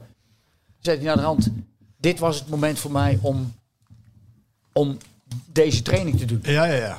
En dat is een kwestie van... Eh, En dat, en dat is zo belangrijk. En daar heb ik altijd, ben ik altijd blijven zeggen. Dat het vak van coach, dat is een vak. Ik noem, of, ik, ik noem het eigenlijk met een, vind ik een mooier woord, een ambacht. ja. Sommige mensen zeggen, ja, ja je moet doet een cursus en je gaat voor die groep staan en dan Ja, eh, gaat het wel vanzelf. En Ja. die spelers, natuurlijk, het gaat om de kwaliteit van de spelers, maar coach is een ambacht. En dat is niet gemakkelijk. Dat hoeft ook niet gemakkelijk te zijn. Maar daar heb je dus bij nodig dat eh, coaches moeten beschikken over een grote hoeveelheid kennis, maar ook over de manier van overdracht. En ook een bepaalde intuïtie of vingerspitsengevoel, Ja, dat. of hoe je het ook wil noemen. En dan komen wij weer met, eh, met onze wetenschappelijke bril, met, met een hoop gezeur en een gezanik. En dan zegt die coach, nee, eh, dat is allemaal fi- fijn die getallen, maar ik doe het toch niet. Nee. Nou, en er zijn dus coaches die daar heel erg goed in zijn. Die wegen data en allerlei wetenschappelijke gegevens en nemen dan toch een, een beslissing. Ja. En eh, ja, dat, dat, is, eh, dat is heel, ik vind het heel fascinerend. Ja. Fascinerend vak. Ja, ze moeten ook, ze moeten, ze moeten los van tactiek verstand hebben van Ja. fysiek, verstand hebben van eten, Ja. verstand hebben van Ja. mentaal. Ze moeten, ja, het zijn halve psychologen. Ja, en dan moet, je, ja, dan moet je ook als, als lid van de performance staf, hè, of je nou een fysieke trainer bent of sportscientist, je moet voor je vak staan. Dus, dus als, als, als gevraagd wordt, of ook als niet gevraagd wordt, en je, geef je een bepaalde mening vanuit je vakgebied, maar die coach die beslist. Dan moet je ook niet zeuren als, die. Als, als je met overtuiging iets gebracht hebt. De keuze is anders, moet je er ook achter staan. Ik zei, oké, dat is de keuze. Punt. Is, En, het nou, eh, is het nou moeilijk, eh, Luc, om, eh, om zo lang bij PSV te blijven? Om, om alle stormen te overleven, om al die trainers te hebben meegemaakt, om al die spelers te hebben zien komen en gaan, alle successen te hebben gevierd, alle nederlagen te hebben moeten slikken. Dat vereist ook een, een bepaalde mate van overlevingsdrang. Zo noem ik het maar dan. Ja, ja ik, ik zie het eigenlijk anders. Ehm, ik sta er natuurlijk niet iedere dag bij stil, maar je hebt periodes of dagen of momenten in, in je carrière dat je ergens bij stil gaat staan van, eh, ja, wat ben ik nou eigenlijk aan het doen? Kijk, ik, ik heb het altijd enorm leuk gevonden eh, en uitdagingen gevonden om, om ideeën die ik had op het gebied van training, om die te kunnen implementeren bij, eh, bij voetbal. En ik me, klinkt misschien raar, ik heb vaak het meest genoten van het terugbrengen van geblesseerde spelers. Ja. Want dan heb je heel erg één op één contact. En dan kan je echt op details. En dan kan je aan fin- slijpen aan de finesses. Dan heb je tijd. Dat wil niet zeggen dat ik bij de teamtrainingen daar geen plezier aan had. Want daar heb ik heel veel plezier aan gehad. Maar ik heb bij deze club altijd het gevoel gehad dat ik mezelf kon ontwikkelen. Van eh, ik kan weer een stapje verder. En, ik, en, en, en of dat nou in een gesprek was met een trainer of in een gesprek met de technisch directeur of met een manager eh, of met de medische staf. Van, nou, we kunnen weer iets nieuws aanschaffen of we kunnen iets nieuws proberen of ik ging zelf wat nieuws proberen. En die mogelijkheid die heb ik steeds gehad. Dus ik, eh, ja, van het begin was je conditietrainer. Hè, dat was toen, ik was een van de eerste samen met eh, Laszlo Jambor en Kees Koppelaar. Een van de eerste in het land. En dan Harry Dorst. En dan zeg je, ja, oké. Ehm, eh, conditietrainer. Op een gegeven moment, als je veel verstand hebt van training en het blijkt goed gaan, word je revalidatietrainer. Want toen was fysiotherapie alleen maar behandelen. En heel weinig eh, trainen. Dat is nu een apart vak, hè, eigenlijk. Eh, nou, dan kregen we wat meer. Met mijn eh, ach- achtergrond als inspanningsfysioloog kreeg je ook door de technologie wat meer mogelijkheden om te meten. Dus dan word je ook nog een meetspecialist. Dus je bent een trainingsspecialist, een eh, revalidatiespecialist, een meetspecialist. En dan komt er nog aspect voeding bij. Dus, dus je ontwikkelt je meer tot, tot... En dat komt er steeds bij. En dat maakt natuurlijk het vak Dynamisch. eh, heel interessant en dynamisch. Ja. En, en daarbij is het natuurlijk zo dat je krijgt steeds wisselingen van spelersgroep, wissel van trainer. Dus het is never a dull moment. Ik, heb, ik heb nooit gehad dat ik met dat ik naar de hertgang ging, dat ik dacht van, Nou, daar gaan we. jezus, dan moet ik weer nooit. Al, Ja. met, met, met enorm veel plezier. Anders kan je het volgens mij ook niet volhouden. Nee, ik weet niet volhouden. Dat is heel, heel eh, dat, dat, nee, dat is een voorwaarde. Anders- En we hebben natuurlijk gewerkt met, ook binnen de staf, vaak met, eh, ook met een aantal vaste mensen, zoals uh, Mart van Heuvel en Jan Vormenoy en, en de Verkimmenades. Daar voel je echt thuis. Ja. Dat, dat, dat, dat is- gewoon super familie. prettig. Soort Ja. ja. Ja, Hey, ik had ook nog twee dingen dat ik dacht, want omdat je dan vanuit die atletiek komt natuurlijk, hè. Over Want je hoort zo vaak dat, dat ze lekkere chocola, hè. Chocola is Ja. Chocola is goed gekeurd, Peter. Ja, dat weet je wel smaakt heel goed. Smaakt, smaakt heel goed. Moet je even doen. Eh, wij, eh, want jij kunt er dan misschien ook beter naar kijken. Zeker omdat je eh, geen eh, voetballiefhebber bent, was toen je in de voetballerij ging. Van, wat, is, wat is het grootste verschil als je kijkt naar die atletiekwereld, die voetbalwereld? Of waar valt je het meest op? Je wat, is voor jou typisch? Oh ja, dat is echt, dat is Ik echt voetballerij. Over. ik zie hem al glunderen. Dus ik ben benieuwd Nou, of- het, leuke, het, het leuke is dat de bevestiging heb ik zeer recent weer gekregen van eh, onze dochter. Die, die is een eh, voormalig sprinster in de atletiek. Die is echt, echt, was echt heel erg goed. Die is helaas moeten stoppen door een blessure. Eh, Die kun je recent. terugbrengen dan, toch? Ja, nou, daar heb ik, heb ik ook. Ik heb, ben haar coach geweest. Ja, ja helaas eh, niet, niet, niet niet, gelukt. Nee. Maar ehm, die eh, helpt af en toe bij de eh, vrouwenafdeling voetbal. Ja. Eh, ten aanzien van krachttraining. Want zij is erg goed in krachttraining. Mhm. En die komt helpen. En die kijkt daar rond. En die eh, zegt naar de hand tegen mij... Ja, ik moest wel even eh, slikken. Want ik denk, wat, wat doen die? Eh, We zijn die aan het doen. en, en dat is, dat, die, die doen op hun manier krachttraining. En dat is, dat is bij, de, bij, bij de vrouwen is dat een, een, zeg nog, nog in een beginstadium. Hè, dat is nog niet een helemaal uitgekristalliseerd, die, die, die, eh, die factor kracht. En daar wordt door te hard aan gewerkt. Dus het is prima dat dat gebeurt. Maar eh, die, die atleten, eh, die weten precies wat ze moeten doen. Dus als je zegt, nou, ik noem een simpele, een simpele krachttrainingsvorm, squat. Ja. Hè, dus Doe ik niet. eh, halter in je nek van 100 kilo en doorzakken en staan. Nou, die, en oké, we doen zes herhalingen. Ik noem maar wat. Dan gaat die atleet, die gaat precies, wat kan ik zes herhalingen doen? Wat, wat kan ik eigenlijk, wat kan ik vijf herhalingen doen? En dan doe ik er zes. zes. Ja, ja, ja. Dat, dat, dat is het. En eh, gemiddeld genomen, ik praat even gemiddeld Ja. genomen, want het is gevaarlijk hè, gemiddeld. Want je hebt altijd, eh, is dat, voetballers zeggen nou, ja ik ken er wel tien, maar ik doe er zes. Dit klinkt wel heel bekend in de oren. Nee, maar dat- is ouderwetse afsnijden, weet je. Ja, nee, maar, dat- maar deze, kijk, dus natuurlijk ook, ook eh, het is ook niet raar. Kijk, ik heb ook met individuele sporters gewerkt, met, met Pieter van der Hoogma mogen werken. Maar waarom is het niet raar? kracht- Wa- waarom het is is- raar omdat je wordt keihard afgerekend als individu Ja. op een tiende seconde of op een honderdste. Ja. En, En in een kijk, teamsport en is in teamsport kan jij, het is, is, is totaal geen disqualificatie, maar in Je kan je, voetballen, je kan je verstoppen. Dat voetballers zijn nooit in topvorm. Nee. Nee, dat kan niet. Nou, Dat- dat- die heeft hoor. Die tikt hij mee. Pas. Nee, nee, maar, nee, maar dat is de, de, kijk, de, de topvorm. Hey op Björn, of je, of je even oplet. Voetbal Ja, is ik er weet nog de dat, ik weet top dat. nee, de top, op in, moment in de de, topvorm. klassieke, de klassieke benaming van topvorm is hè, als je in een Olympische cyclus zit van vier jaar en je bent eh, eh, op de Olympische Spelen van eh, Athene, ik noem maar wat, ben jij op de 100 meter zwemmen of de 100 meter atletiek in de absolute vorm van je leven. Ja, pieken. Piek, op dat moment. En dan gebeurt het ook. En dat kun je ook, dat kun je over vier jaar nog een keer, of over twee jaar nog een keer, of over een jaar, maar niet, dat doe je niet eh, twintig keer op een jaar. Echt niet. Nee. Van voetballers wordt gevraagd tegenwoordig Volgende week. Nu weer. Nu weer. dat je 50 wedstrijden moet spelen. En die moet je eigenlijk op niveau van PSV hopelijk allemaal winnen. ja. Dus wij leiden spelers op, dat doen we op de academies, een van de doelstellingen, fysiek gezien, tot het eh, spelen van twee wedstrijden in de week. Dat is een, dat is een doelstelling. Ja. Eh, dat kan je dus niet als je eh, piekt. Ja, wel piekt, je doet zo goed mogelijk. Ja. Maar er zit altijd een bepaalde mate van reserve in. Ja. En dat, dat moet ook. En dat is bij individuele sporten Anders niet. je overbelast. Het, het verschil bijvoorbeeld in een voorbereidingstraject, dat doe ik wel eens ooit in een presentatie, geef ik dat aan. Ik zeg, het is natuurlijk wel heel raar dat schaatsers of zwemmers of atleten, die bereiden zich voor op de Olympische Spelen of op een toernooi, hebben een voorbereidingsperiode van vier à zes maanden. Mhm. Dan doen ze wedstrijd, dan hebben ze nog een keer een, een klein, klein rustmomentje, nog een keer een opbouw en dan weer een blok van zes Mhm. weken dat het top moet zijn. Of acht weken. Voetballers bereiden zes weken voor Je moet heel vier maanden tot de kerst te presteren. Dan hebben ze een week rust. En dan heb je drie weken training of twee. En dan moet je weer vier maanden. Dat is heel anders. hè? Dus heel anders. Dus, dus de- dat, dat bedoel ik eigenlijk met de absolute topvorm. En. Ja, en, en het verschil is dus dat afrekenen, persoonlijke afrekening als individuele sporter. eh, en je bent dus, daar ben je dus zelf helemaal Ja, voor verantwoordelijk. En je, in voetballen kan je, als je een iets mindere dag hebt, kan dat gecompenseerd worden door je collega.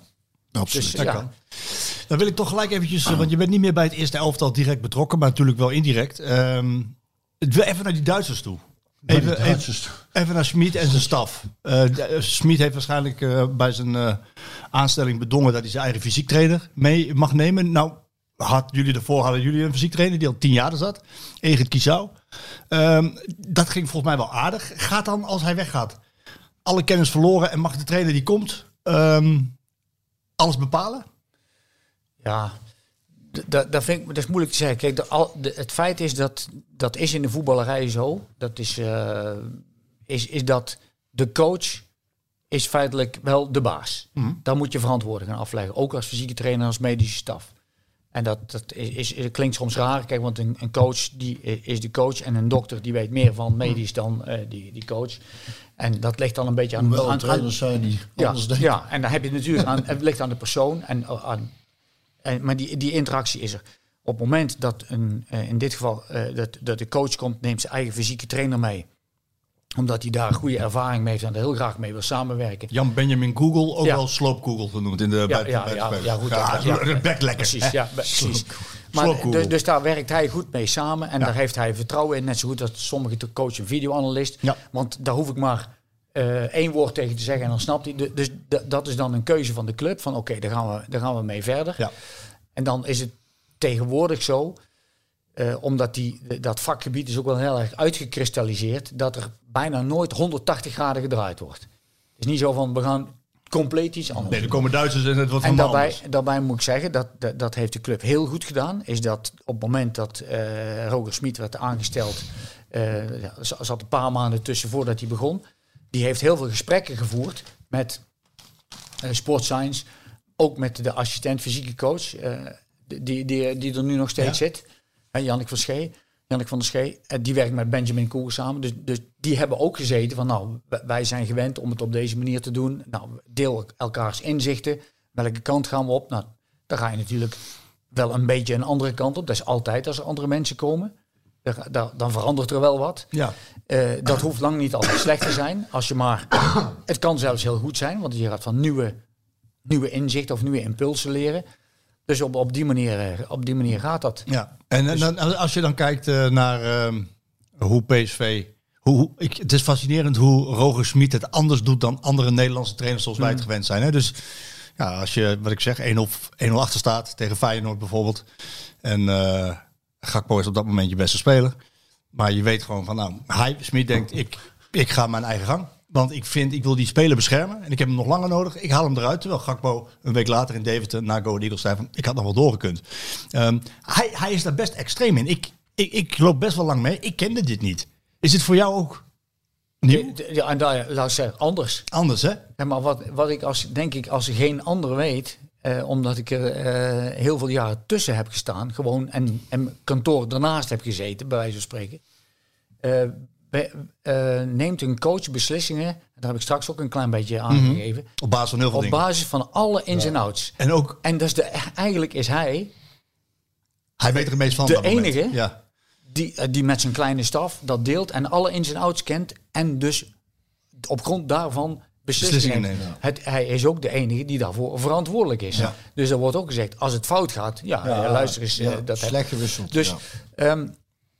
Eh, je haalt die, al die informatie, eh, of je haalt overal vandaan. Dat kan door een gesprek met een speler. En wij weten natuurlijk ook al lang dat een speler vaak zegt, ja, ik had er niet afgehoeven.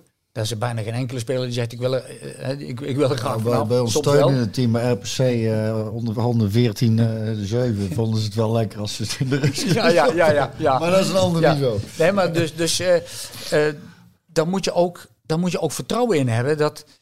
Eh, en daar, daar kun je misschien best kritisch op zijn. Van, eh, eh, ook in jouw rol. Mhm. En zeg je, nou, ik ben, ik ben verslaggever, ik ben PSV-watcher, ik zie dit en ik zie dat.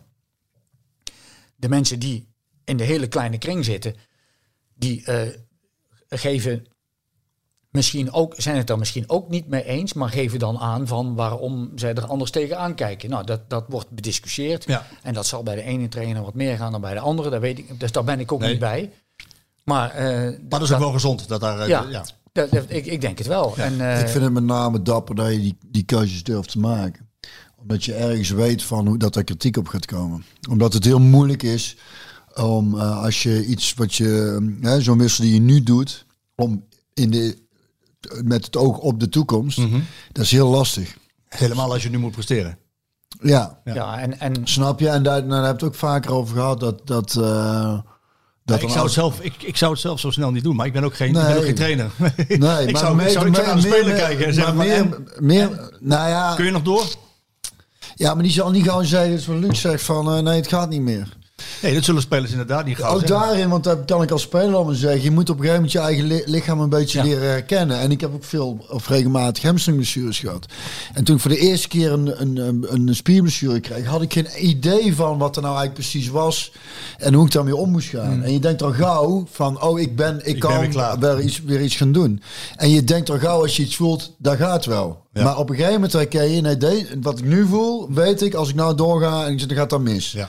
Dan moet je als speler ook leren. Dat zijn allemaal jonge gasten. Is ook zo. En eh, dus ja, het Ja, is was vooral- Madueke bijvoorbeeld de eerste keer dat hij eh, die hamstringblessure kreeg. Dat kan ik me nog herinneren. Dat was in thuiswedstrijd. Eh, toen, ging die, toen voelde hij iets. Toen ging hij even zitten. En toen, da- toen, Ja, toen dacht hij van, kramp. oh, het gaat alweer. Ja. En toen, wil, toen, wilde hij, toen zei hij eigenlijk van, ik, ga het veld weer in. Ja. Dan had misschien ook de, de staf moeten zeggen, nee, het gaat niet meer. Ja. Maar, ja, maar je kunt niet. En deze, dan moet je als speler Maar dan moet je leren. Want ik vat daar op jonge leeftijd. dacht ik ook, ik voelde als een soort nederlaag als je zei Ja. het gaat niet. Ja. Want je wil gewoon, ja, tuurlijk gaat dat wel. ja. Maar ja, als het niet gaat, gaat het niet. En, en Alleen die- daarvoor zijn ja. trainers en. en, en, en maar het is wel grappig dat je zegt inderdaad, of beaamt dat het anders is dan dat het was eh, met, met, met, met Roger Smit. Want ik heb, Ja, maar, maar goed, dat, dat heb je. dat is ook logisch. Nee, want ik, nou, ik heb dat vaker mee- meegemaakt, ook met, eh, met andere trainers. Ja. Eh, Dat, dat eh, iedere keer als een andere trainer kwam, dan had ik Gebeurt zelf ook, iets. dan moest ik, dan moest ik eigenlijk die trainer, eh, ja, ik had het idee, ik moet mezelf bewijzen. ja. Dus ik, ik had ik een paar weken, in de voorbereiding met name, En daar waren we Dat- helemaal de dat- dupe van. ja, maar dat die, dat, ja, precies. Ja, maar dat die trainer moest Dat weten. was het, dat dat, was dat, het. dat die trainer, die moet je ook op een gegeven moment overtuigen van, ja, eh, d- dat zit wel goed. Ja. Zit wel goed bij hem. Ehm, en en d- dat is wel makkelijker als je, en ik heb ook trainers gehad die ik als speler gehad heb. Die waren daar wel makkelijker in, want die wisten al van, ja, nee, dat is wel goed. Of, of niet. Ja, en, en eh, Philip, En Philip, ja. die zei, ja. ja, eh, eh, goed. Doe jij maar. Hè, maar anders moet je bij trainers, die moet je dan, die moet je dan proberen te overtuigen van eh, eh, wat, wat je wil. En dan, ja, dat, dat, dat kost wat meer energie. Maar ook daar moet je ook een beetje aan aanpassen. Kijk, eh, we- wij weten allemaal, dat is ook uit jouw tijd, toen Bobby Robson kwam, komt een totaal andere cultuur en heeft een totaal andere opvatting over training Ja. dan wij. Ja. Wat, wat was het grootste verschil? Nou, het grote verschil is dat hij gewoon, dat is een legendarische opmerking, dat hij de eerste training eh, komt. Hij, hij kwam toen uit, eh, was dat, eh, toen was hij, bon, hij was bondscoach in Italië, hebben ze toen gespeeld. Het was Oh, de in het begin 90. Toen, Ja, toen ja, toen. Ja, ja, ja. En, was het ehm, toen niet. Toen kwam hij een paar dagen, één of twee dagen later in de voorbereiding. En toen zegt hij, werd hij voorgesteld aan mij. En dan zegt hij, what do we usually do? Ik zeg, usually we start with running in the woods. Easy job. Zo, van, hij hoefde niks te doen. Geniaal toch? En die, ja, Heerlijk maar, toch? maar die keek dus toen van, ja, en, maar, dan ging, maar dan ging hij ooit een training geven en dan, dat was misschien een hele goede training om spelers inzicht te geven in wat ze moesten doen, positioneel en eh, Mhm. shadow training en dat soort dingen.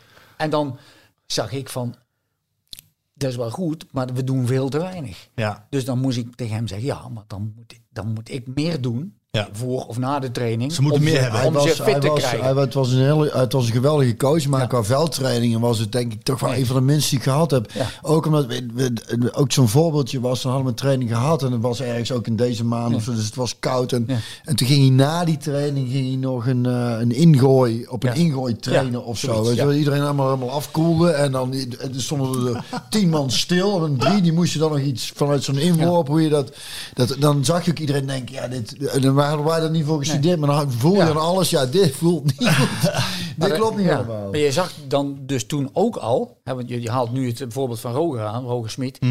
Maar bij Bobby was het ook totaal anders. En als je, ik heb eh, heel lang alles bijgehouden aan, aan van allerlei eh, getallen. En eh, Ja. to- toen, toen ik eh, wegging bij de club in 2012, had een van mijn collega's die had zo'n database gevonden. Die zei: Dit is goud, was is goud. Had vanaf 19 eh, en begin 90 allemaal getallen over blessures en over gewichten en vetpercentage en alles bewaard.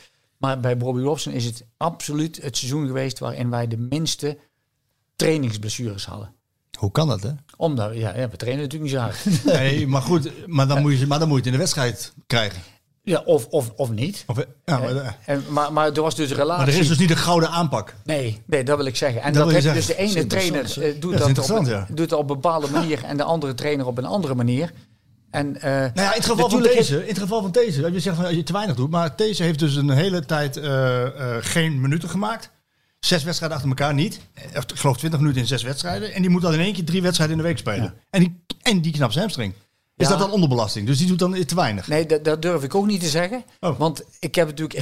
Ik durf dat wel. Misschien is het onderbelasting. Nee, maar in Oh, mijn. In is mijn Oh, is. Zeg maar, in, is stelling.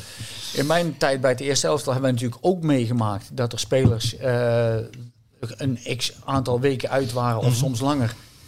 Die we zo eh, optrainden en dat ze er op een gegeven moment instromen en gewoon meteen, eh, meteen meegaan. Ja. En het is ja. Ja, het is ook- het is- factor pech is, ja, moet je ook, Nou, moet je ook wel benoemen hoor. Daar wou ik naartoe. Eh, een paar weken geleden heb ik een verhaal eh, gemaakt. het Medisch Centrum Eindhoven. Dat was op een moment dat PSV met Gakpo, Madueke, Sahavi, Thomas, Romero, deze. Ja, vergeet er nog één, twee. Het, het hield maar niet op. En juist met een trainer die zijn spelers nou, wil beschermen. Ehm, en, daardoor ook, en daar ook op wisselt. Ik dacht van, eh, eh, is dit nou allemaal pech? Of wat, moet, je, moet je het per geval eh, bekijken? Dat laatste Hoe- vooral. Ja, hè, want hoe heb jij dat... Want het, ja, het was wel bizar veel, hè? Ja, ik kan daar, ik zeg, ik kan daar alleen maar in zijn algemeenheid iets Ja, van ja, zeggen. doe dat ik, want ik zit, daar niet, ik zit Nee? daar niet bij. Ik, heb, ik kan me ook niet, niet opdringen van, eh daar heeft ook helemaal geen enkele zin. Nee. Want je moet ertussen zitten. Wat ik wel weet is gewoon dat, en dat, dat is de methode die jij benoemt, is dat je iedere blessure op zich, aan zich eh, niet de blessure, de speler, Mhm. de speler aan zich moet bekijken van oké, die speler heeft die, eh, die blessure opgelopen, hoe is dat? Ja, die heeft een schop gehad. Ja. Of die heeft ehm, bij die interland ehm, heeft hij zijn eh, knie verdraaid, Ja. want in een of ander duel. Of nou, en die andere heeft een eh hamstringblessure binnen een sprint. Nou, dus dat wordt allemaal keurig eh, langs het latje gelegd. wordt besproken met eh, medische en fysieke staf. Die zitten gewoon bij elkaar en sportscience erbij. Dat wordt gewoon bekeken. Nou, en daar zit Maar dan raak je niet in de war dat het zoveel zijn. nou ja, dat, dat, is- dat is natuurlijk Wel blijven, dat, weet, dat weet ik uit mijn eigen, eigen, Dat wordt, niet, dat wordt geen fles champagne opengetrokken Nee. dan, Marco. Nee, dat is, is wel. nee, maar dat mag, je gerust weten. Daar, daar lig je soms, als je daar direct bij betrokken bent, lig je er echt wakker van. Dan denk je van ja, en het zijn er al wel erg veel. En eh, oh jee, alweer een. Oh jee. Nou, en, nou, weer opnieuw. Weer opnieuw een traject inzetten, bespreken met elkaar, overleggen, blijven communiceren. Niet wijzen, van, eh, maar wel kritisch zijn, intern. En dat, ik weet zeker dat ze dat zijn. Ja. Dat, dat is inherent aan de top. Ja. Dat Dus kan niet anders, hè? Nee, dat kan niet anders. Er wordt gewoon, wordt gewoon de waarheid gezegd tegen elkaar. En dan, en dan, kan je, en dan, moet, en dan moet je oplossingsgericht denken. Ja. Hoe, eh, hoe moet het verder en hoe kunnen we het voorkomen? En waar kunnen we er eventueel iets van leren? Nou is het dus, dus enorm, sinds jouw tijd enorm ontwikkeld. Je hebt een beetje aangegeven hoe dat technologisch is gegaan. Ja. Hoe, hoe, hoe met voortschrijdend inzicht Ja. je nu misschien dingen anders doet dan... Maar waar gaat het naartoe? Waar kun je, kun je een soort toekomstbeeld schetsen? Want eh, zit er nog veel rek in de fysieke vermogens van wat spelers aankunnen? Zit er nog veel rek in? Ja kijk, het leuke is om, om een klein beetje parallel te trekken over eh, de toekomst en historie. Eh, daar, daar speelt het begrip innovatie speelt daar dan een beetje een rol in. En ehm, dat is hier ook van toepassing. Dan moet ik wel even zeggen om, om het te kunnen schetsen. Is dat eh, in de sport is er natuurlijk ook sprake van innovatie. En dat is over, over het algemeen gaat het over materiaal. Ja. Bijna, bijna altijd. Ja. Eh, de, de, de ma- materiaal bepaalt eigenlijk eh, een, een, ja, de, een, een, een echt een, een slag. Als we gezien hebben, de, de klapschaats bijvoorbeeld, is zeker. het mooiste voorbeeld. Ontwikkeld door Gerrit-Jan van Egen Schenau. Dat was nog de docent biomechanica op de universiteit voor mij. Kijk, was veel te moeilijk, dat vak. Maar, klinkt ook heel ingewikkeld. maar die, eh, Biomechanica. ja, maar die, die, die vond dus eigenlijk heel simpel dat het strekken van een afzet vanuit de heup naar de knie naar de enkel werd door het klassieke schaatsen geblokkeerd, want anders kwam je op je punt in het ijs. En die klapschaats laten toe dat je net als een sprint Ja. met lopen dat je af kan zetten met de punt. Nou, dat is lang is dat in de, in Maar- de ijskast blijven liggen, maar dat is dus een, een, breaking, breaking ja. eh, er zijn heel weinig eh, innovaties die iets te maken hebben met techniek. In het voetbal. Eh, en ook in andere sport. Kijk, Fosbury flop, Ja. hoogspringen. Zeker. Dat, dat ging Met je rug eroverheen. buikrol ging ik met de rug. Maar als je over nadenkt, hoe kan dat? Dat kwam omdat er op een gegeven moment matten kwamen te liggen om hoogspringen. Vroeger was het gewoon een zandbak. Ja, ja. Daar ging, ging, daar ging je niet op je rug landen. Dat doet pijn. Dus het is altijd een beetje. Je, En, moet, je, moet, ja. je moet de oorzaak kennen. Nou, in voetballen is natuurlijk het punt dat de buitenspelregel gebruikt geworden is als tactisch wapen. Heeft de voetbal wel heel erg veranderd. Mhm. Eh, maar va- vaak is het ja, op be- be- eh, een bepaalde manier tactisch, allerlei eh, 4-3-3, 4-4-2 en, noem maar op, allerlei eh, varianten. Manier van trainen is natuurlijk wel veranderd in de laatste jaren. En dat is vooral gekomen omdat er inzicht is ontstaan in datgene wat die spelers eigenlijk doen. Op grond van technologische hulpmiddelen. Ja, GPS bijvoorbeeld. Bijvoorbeeld. En dat op een gegeven moment eh, ontdekt is van ja, eh, wat betekent nou eigenlijk 11 kilometer? Als een speler 11 kilometer loopt, zegt dat iets?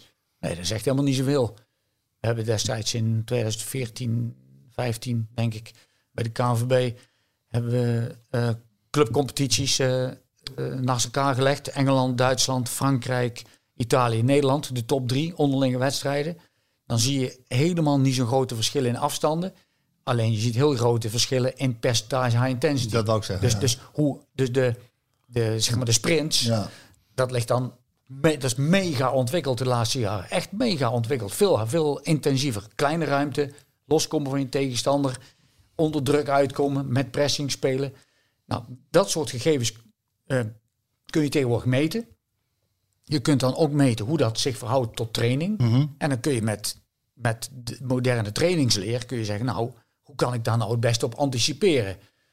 Eh, wat we nog steeds niet weten, en wat, wat ik straks zei, dat proberen we wel, is inzicht te krijgen aan hoe ieder individu reageert. reageert. Kijk, bij een individuele sporter, als je er vijf hebt, je hebt vijf atleten, ik noem maar iets sprinters, dan weet je aan de hand van een bepaald programma, die reageert hier goed op of die reageert daar niet goed op, kun je heel erg goed eh, fine-tunen. 26 spelers is moeilijker. In een hele complexe sport. Mensen vergissen zich wel eens in. Voetbal is een ultra complexe sport. Eh, Volgens mij is het de moeilijkste sport die er is. ja, dus, dus- ja. En, en het is een- eenvoudig zeg maar 11 tegen 11, wie- 1-0 en dan heb je gewonnen.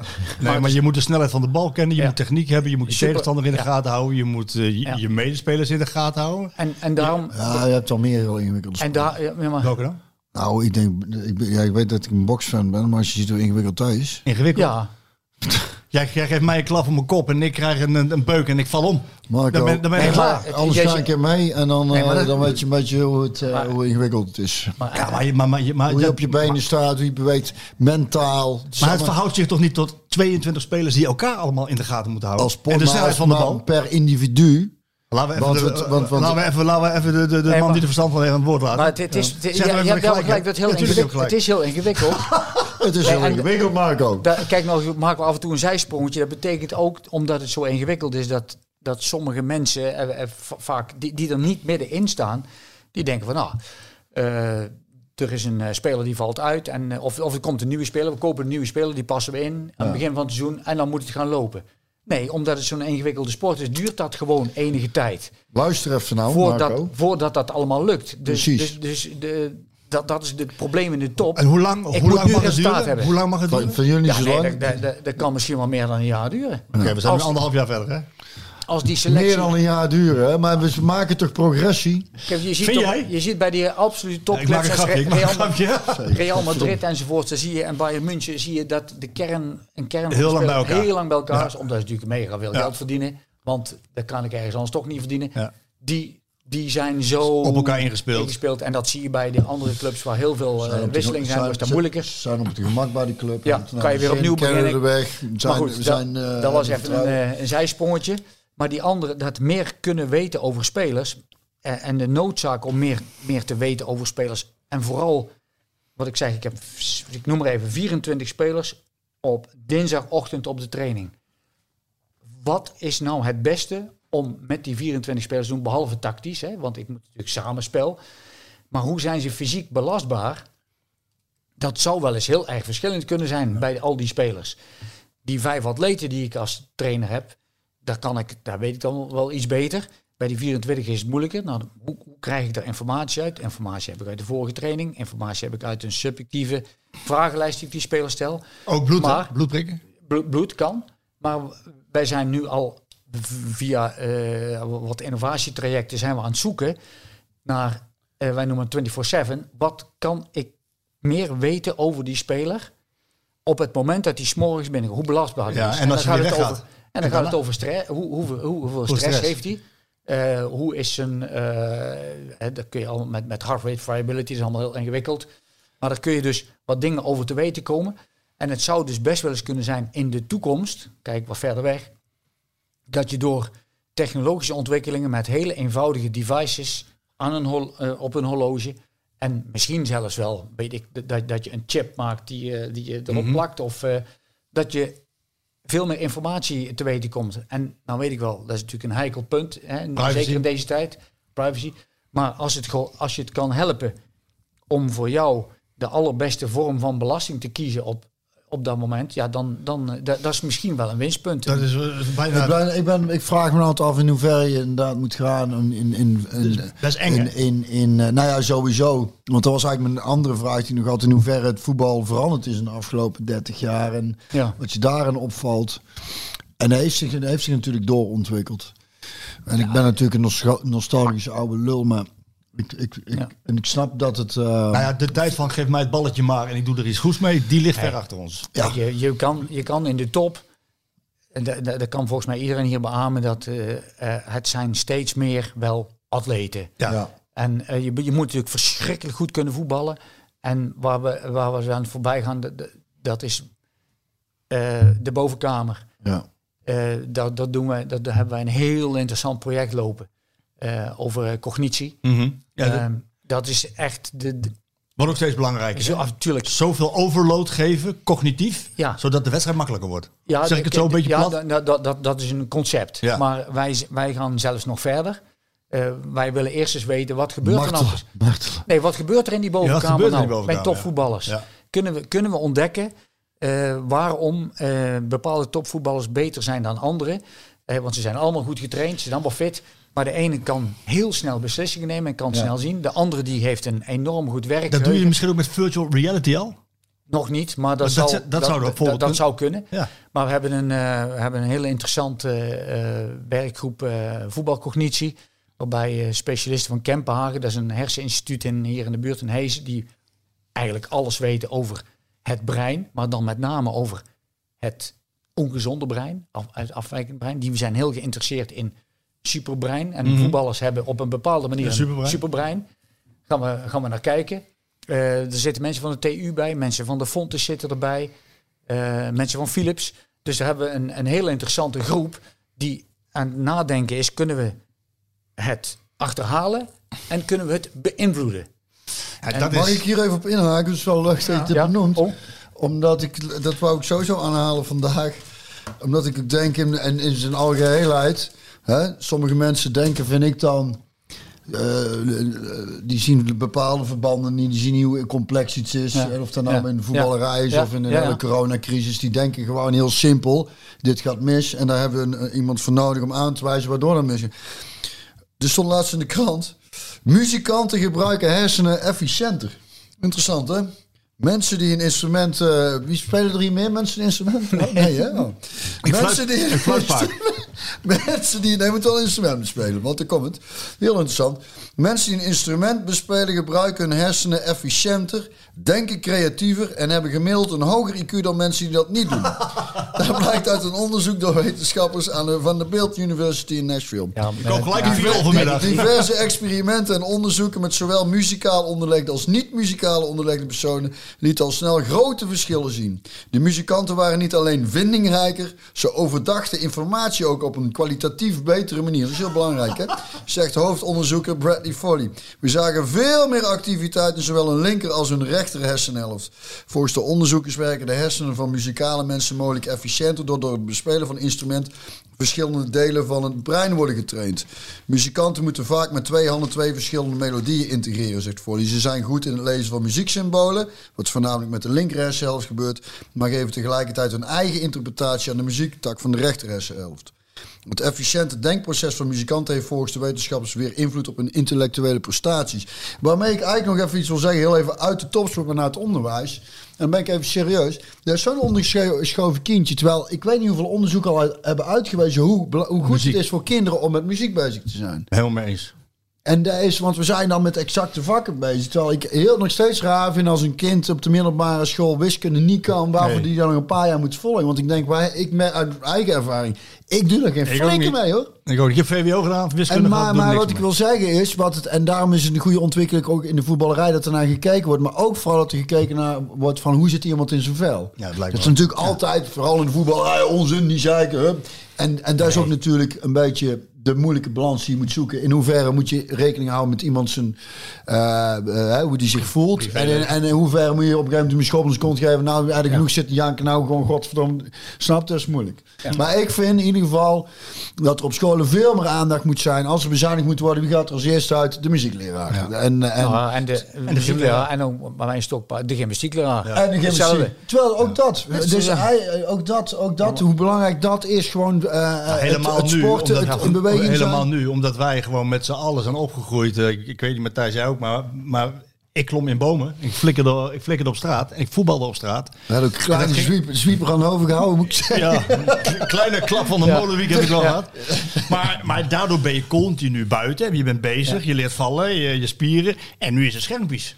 Ja. Zeg ik het een beetje goed zo? Nee, helemaal. Kijk, je moet, de, de- je moet daar, je- er is, moet een compensatie zijn voor, Ja, voor, voor- dat. Hè, voor, voor het dat. Mhm. vrije spelen, wat eh, vroeger was. En dat is nu niet meer. En, dan, en blijkbaar moet je toch eh, in, in eh, de groei van kinderen, zeker in die fase, moet je heel veel aandacht besteden. Ook aan voldoende bewegen. En, en dan eh, natuurlijk ook, ook muziek, maar in ieder geval voldoende bewegen. Als je gaat zit op school, het, is Ja. allemaal, het is allemaal cognitie, het is allemaal, eh, eh, al- allemaal maar leren. En, en, eh, En stof tot je De nemen. jongen En- zitten vol energie, die zitten de hele Ja. dag in de klas. En je moet, zou eigenlijk moet je, zou je moet, moeten wensen dat alle kinderen, eh, want er zitten er ook een hele hoop in, in, in een stad, die zitten op een, op een appartementje en die, die kunnen niks en die, het is veel te druk op straat en noem maar op. Moet je zeggen, nou, we gaan gewoon iedere dag heb jij eh, een uur eh, bewegen en dat kan, dat kan allerlei varianten zijn. Dus niet de klassieke gymles van ik moet in een wandrij klimmen en ik mag twee keer in een wandrij klimmen in een uur en dan is het uur voorbij. Ja. Nee, Nee. je moet je gewoon Echt bewegen. echt bewegen. En dat, dat, dat kan tegenwoordig heel goed. Maar dat zou een enorm winstpunt zijn voor de, de brede ontwikkeling van kinderen. Dat is ook allemaal al lang bewezen. Hè, wat jij zegt. Maar ook ook. voor topsport. en, voor, en je krijgt een grotere vijver. Ja. Ja. En Ja. eh Jacques Oor heeft laatst ook gezegd, de, de, in zijn selectie voor schaatsers komt steeds meer voor dat eh, basisuithoudingsvermogen Ja, dat, eh, op een laag pitje Ja, staat. dat klopt, ja. eh, dus En dat van, komt de, ja. van de tien mensen die je binnenkrijgt, waren er vroeger zeven die de basis goed hadden. En nu nog maar drie. ja. Maar weet je wat ook En, en, en interessant dat is gewoon allemaal, Luc, hè? sim- dat is allemaal simpele dingen. Ja, wat- want het schiet nou dan maar het ook wel interessant. Want soms is het ook gewoon te combineren. Hè. We gingen vroeger met biologie, doen ze nog wel eens volgens Ja. mij. Ligt een beetje aan leren, gewoon naar buiten. Ja. Ja. En in hoeverre kun, kun je lessen gewoon dat je met, Tuurlijk. met kinderen de natuur in wandelt. Tuurlijk. En dat je van daaruit eh, iets onderwijst. Ja, dat gebeurt nog wel, maar, maar ik denk wel wat... Ja, maar je eh, moet het ook aantrekkelijk maken. Eh, En er zijn, er zijn best het legio-idee. En met name nu in deze coronatijd. Iedereen heeft het natuurlijk over vaccineren en over... eh, Wij nooit in deze en, podcast. En, nee, en over het oplossen van het, van. En dat er meer IC-bedden moeten zijn en noem maar op. Maar eh, en, en dat, nu is dit niet de korte termijn oplossing natuurlijk niet, niet. Maar er moet wel veel meer aandacht komen. En er zijn een aantal mensen, eh, eh, veel BN'ers, die zich daar ook mee bezighouden, die dat, die dat ook bepleiten. Eh, intensivering van het bewegingsonderwijs op alle niveaus. Zeker. En je zegt dat, iets- is, dat, is echt, dat is echt preventief. En je nodig, zegt ook ja. iets interessants, want ook daarin, en we zien in heel dit geval, we zullen het heel kort over hebben, misschien dat ik ermee afzet, is, is ehm, wordt er aangegeven van waarom we nou de problemen hebben die we hebben. En die zijn dus, en dat is dus ook complex en divers. Ja. Die hebben om verschillende redenen. En als je dan aanhaalt van we hebben te weinig IC, want er is bezuinigd, er wordt al jaren geroepen, dan wordt er vaak gezegd, ja, maar daar hebben we nou niks aan. Dan denk ik, nee, maar daar riepen we een jaar of twintig maanden geleden ook al. En er is in die twintig maanden nog niks gebeurd. En als we maar blijven roepen, daar hebben we nou niks gebeurt er aan. nog niks. Nee. Hetzelfde als bewegen. als- Nee, we Gezond zijn korte eten. termijn. Nee, gewoon iedereen vaccin dan. Nee, Nee, maar- we hebben een complex probleem. En, en, en die verschillende problemen kunnen van nee, ja, maar dat helpt nu niet. Nee, nu niet, maar in de toekomst wel. Dus we zullen daar wel iets aan moeten doen. Dus je in moet een visie van- hebben. Je Precies. moet een En visie in En plaats, van, in plaats van zeggen, we gaan moeten gezonder leven en we gaan de aandacht vestigen op voeding en we moeten sporten. Dus we gaan de aandacht geven aan sport. Zeggen wij, hier in Nederland, we doen om vijf uur de boel dicht en we mogen niet Ja, meer sporten. En de kinderen zitten lekker in school Ja, en zichzelf te vergiftigen met van alles en nog wat. Ja, en, we gaan, en die mensen gaan s'morgens om half zeven sporten. Ik wil nog op één ding terugkomen en dan gaan we even over, eh, over, over PSV hebben. De, Oh ja. de wedstrijd van gisteren. vergeten, hè? Nee, dat vergeet ik niet. Nee. Eh, Ik heb Luc, ik wil nog een, een van de charmes voor mij van het voetballen is dat in de loop der tijd iedereen steeds meer weet en alles eh, wordt gemeten. Da- meten is weten, data neemt toe. Het wordt een beetje computergestuurd af en toe. Je had het net over cognitief. Wat, wat voor mij de charme van voetbal is, is dat je dat dus niet kan meten. Wat Messi verzint in zijn hoofd, Ja. is intuïtie, is niet te meten. En dat is volgens mij, geeft nog steeds, in combinatie met technische vaardigheden natuurlijk, geeft uiteindelijk de doorslag in of je een goal maakt of niet. Of een assist geeft of niet. Natuurlijk. Ja, toch? Kijk, de- Dat, is de, dat, is, dat maakt het zo Wij- mooi en aantrekkelijk. toch? Wij, Ja. ja. wij moeten natuurlijk ook niet die illusie hebben. eh, en de- tenminste, ik, ik ben daar, vind me daar zelf een exponent van dat ik niet de illusie heb dat wij met wetenschap alles kunnen oplossen. Dat is natuurlijk onzin. Kijk, wetenschap is een tool. Die wetenschappelijke gegevens, dat zijn tools die je kunt gebruiken om eh, fouten te reduceren. Bijvoorbeeld, eh, of om je prestatie door middel van training en eh, positief te beïnvloeden. Nou, daar zijn bewijzen genoeg van dat dat, dat dat echt heeft geholpen naar het tillen naar een hoger niveau. En of dat nou materiaal is of een trainingsinzicht, die soms puur bij, door pure toeval ontstaan. De, de, de, Ja, de fartlektraining is pure toeval ontstaan dat er in Australië of Nieuw-Zeeland iemand op een geaccidenteerd terrein ging lopen, moest lopen. En die eh, ging zijn hartslag ging omhoog en wat omlaag en omhoog en omlaag. En dat bleek een heel, eff- hele effectieve trainingsmethode te zijn. Ja. Eh. Want ook daarin, en, hè, en, die- en, en dat, dat gaat helpen uiteindelijk. Maar het zijn toch de individuele voetballers of, eh, en, en, of het samenspel Ja. van die voetballers, de karakters, de individuele vaardigheid, Die de, exceptionele mensen, freaks of nature. Ja, freaks of van, nature. eh, eh, hoe, eh, hoe kan het? En dat, ja, als je dat en als je daar een coach bij hebt die dat dan kan managen, ja, dat is natuurlijk wel, dat is wat jij zegt, helemaal de charme. We moeten niet denken dat we dat allemaal precies kunnen uitrekenen. Dat kan helemaal niet. Helder. En een mooie aan de wetenschap vind ik dan ook, ook niet onbelangrijk, is het is ook altijd in beweging. Tuurlijk. Dus wat vandaag waar is, kan morgen, Ja, dat, kan morgen dat heb verder ik goed uitgelegd. Nee. Dat heb ik goed Ja, maar dat vind ik, dat is ook iets belangrijks in deze tijd, wat we vooral niet moeten Kijk, we vergeten. hebben heel de discussie gehad over in trainingen en, en vakgebied heel veel over de, de, de specifiek trainen. Het is belangrijk om specifiek te trainen, dus zoveel mogelijk in de wedstrijdsituatie. En dat, dat kun je op. Oh, er zat er nog een, sorry Luc, maar er zat nog een kat achter de deur. Die sloeg bijna de ramen eruit hier. Die, die dikke zwarte is dat. Komt hij aan, ja. En dat dat kun je op allerlei sporten plakken.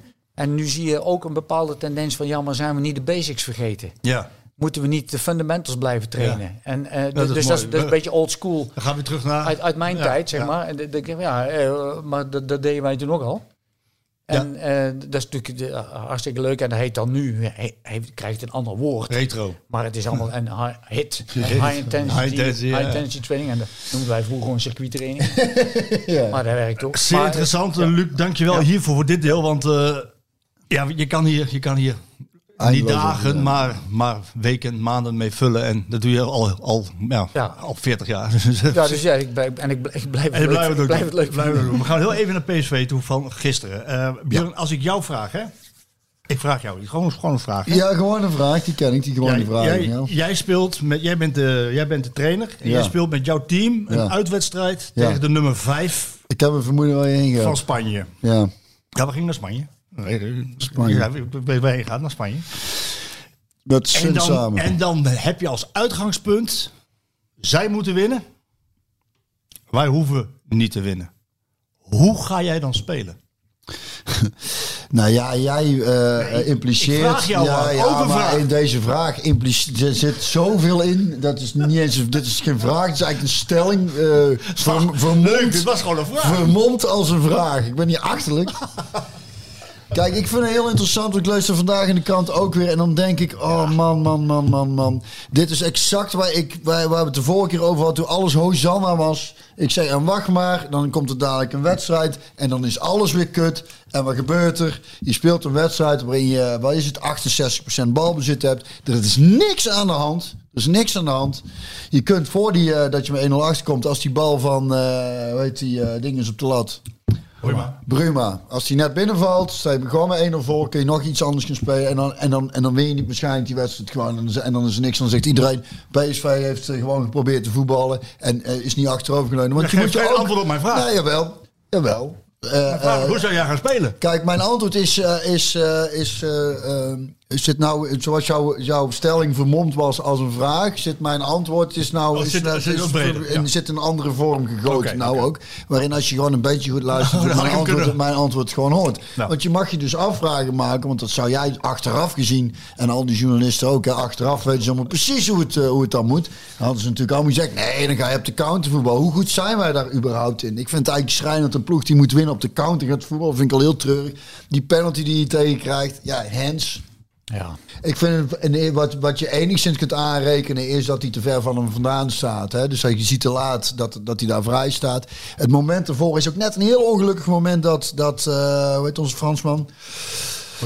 Boskagli, die staat net even verkeerd, maar, maar hij herstelt dat zich is nog. geen- nee, nee, dat nee, is geen wacht. pech, man. Wacht nou, nee, kijk luister. Dat is cognitief, je moet weten waar die staat.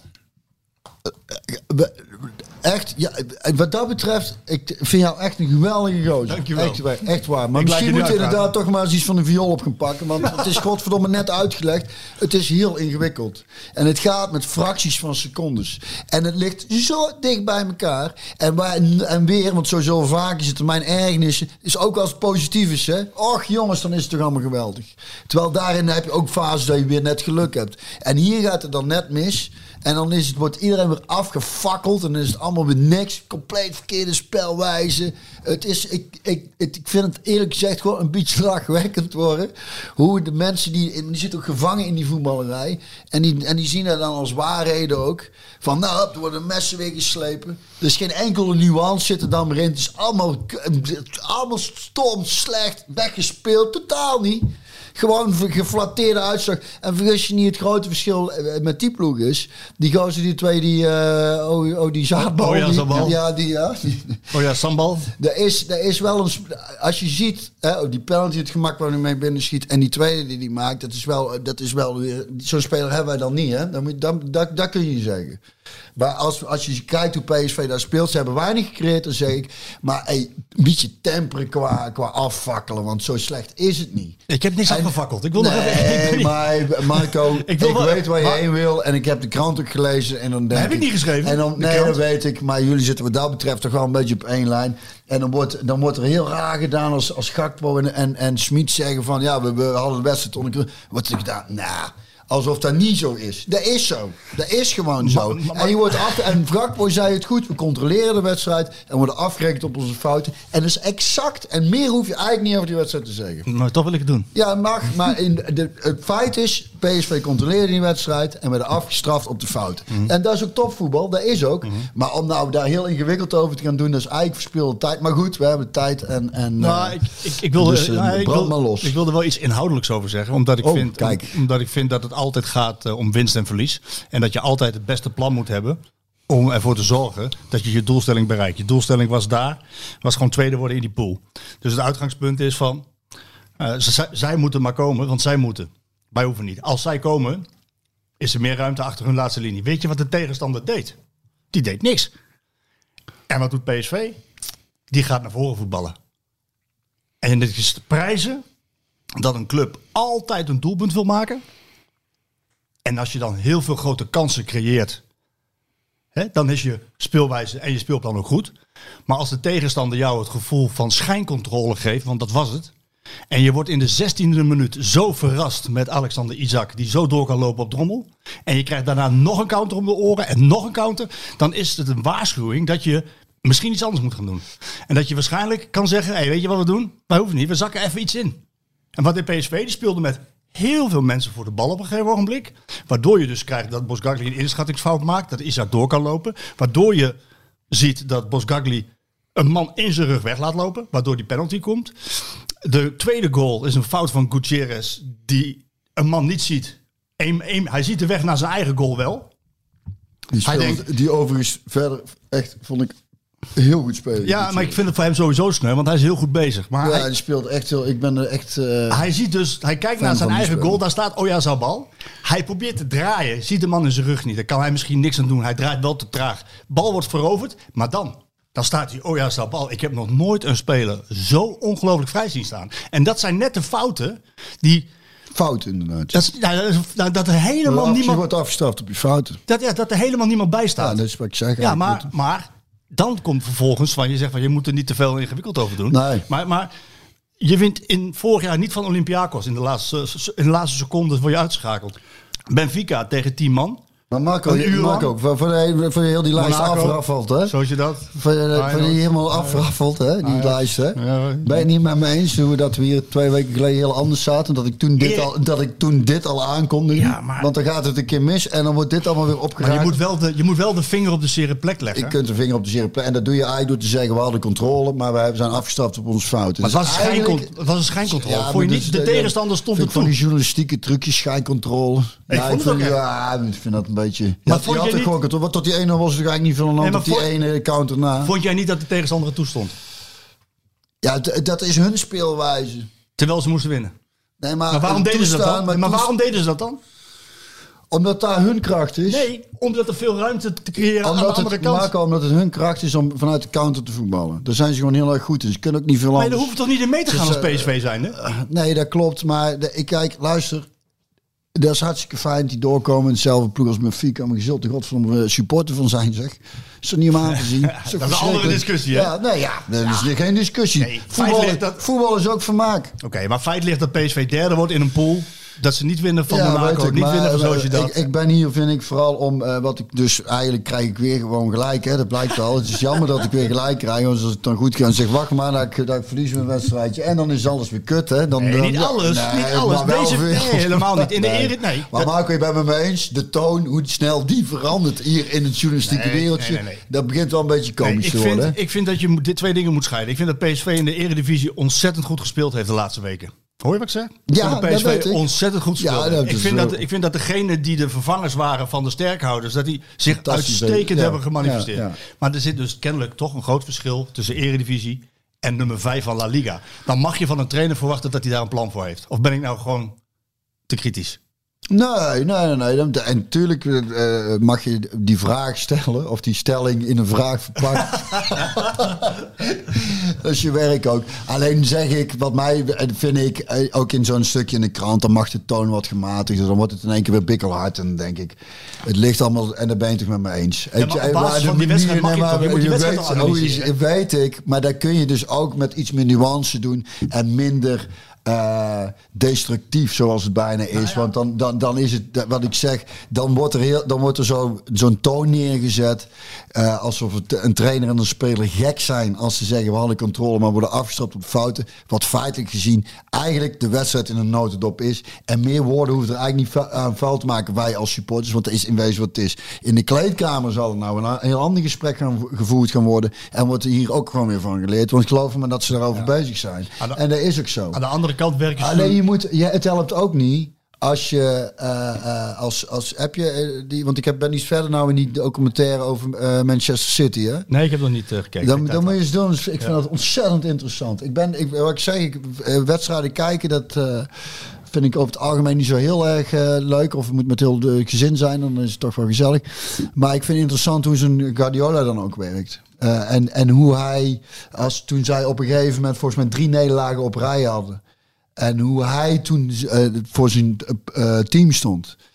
En hoe hij juist hun duidelijk wilde maken dat ze nou niet in zak en as moesten gaan zitten. Omdat het even. te- die fases heb je. Zelfs een ploeg als Manchester City, waar, eh, waar je geweldige spelers, geweldig tra- heb je met, met, met, met tegenslagen te maken. En de kunst is om daarvan te leren, maar het vooral niet groter te maken dan het is. Want dan kom je op dat mentale vlak en dan gaat het in je kop zitten. En ik weet, eh, zo denken jullie, en, en dan moet dan Nee. hard zijn en dan moet eerlijk. en ik zeg nee, gewoon de waarheid. En het is, kijk naar de cijfers. Maar je moet het met me eens zijn dat het contrast tussen goed en slecht bij jullie zo groot en aangedikt wordt. Dat, dat ik het een beetje komisch vind. Nou, ik vind het helemaal niet. Ja, nee, dat weet Nee, ik ik. vind het helemaal niet. Ik, ik vind dat je... Ik ga jou eerst een journalistiek principe bijbrengen. Heel goed op. Ik weet niet of ik erop zit te wachten, maar eh, doe maar. journalistiek principe is dat PSV... Dat er, dat, er, dat er bladen verkocht moeten worden. PSV voordat eh, het seizoen begint een doelstelling uitspreekt. Dan wordt er gevoetbald. En op een gegeven moment als de doelstelling gehaald wordt of niet gehaald wordt, Ja. maak je een som op van de alle wedstrijden die ze hebben gespeeld. Ja. En, en analyseer je. Ja. hey, ze hebben de doelstelling wel gehaald, hier en hier en hierom. Ze hebben de doelstelling niet Niet gehaald, hier en hierom. Ja. PSV wil bij de beste 32 clubs van Europa horen. Ja, PSV wil Champions League spelen en worden nu Ja. derde in een pool van de Europa League.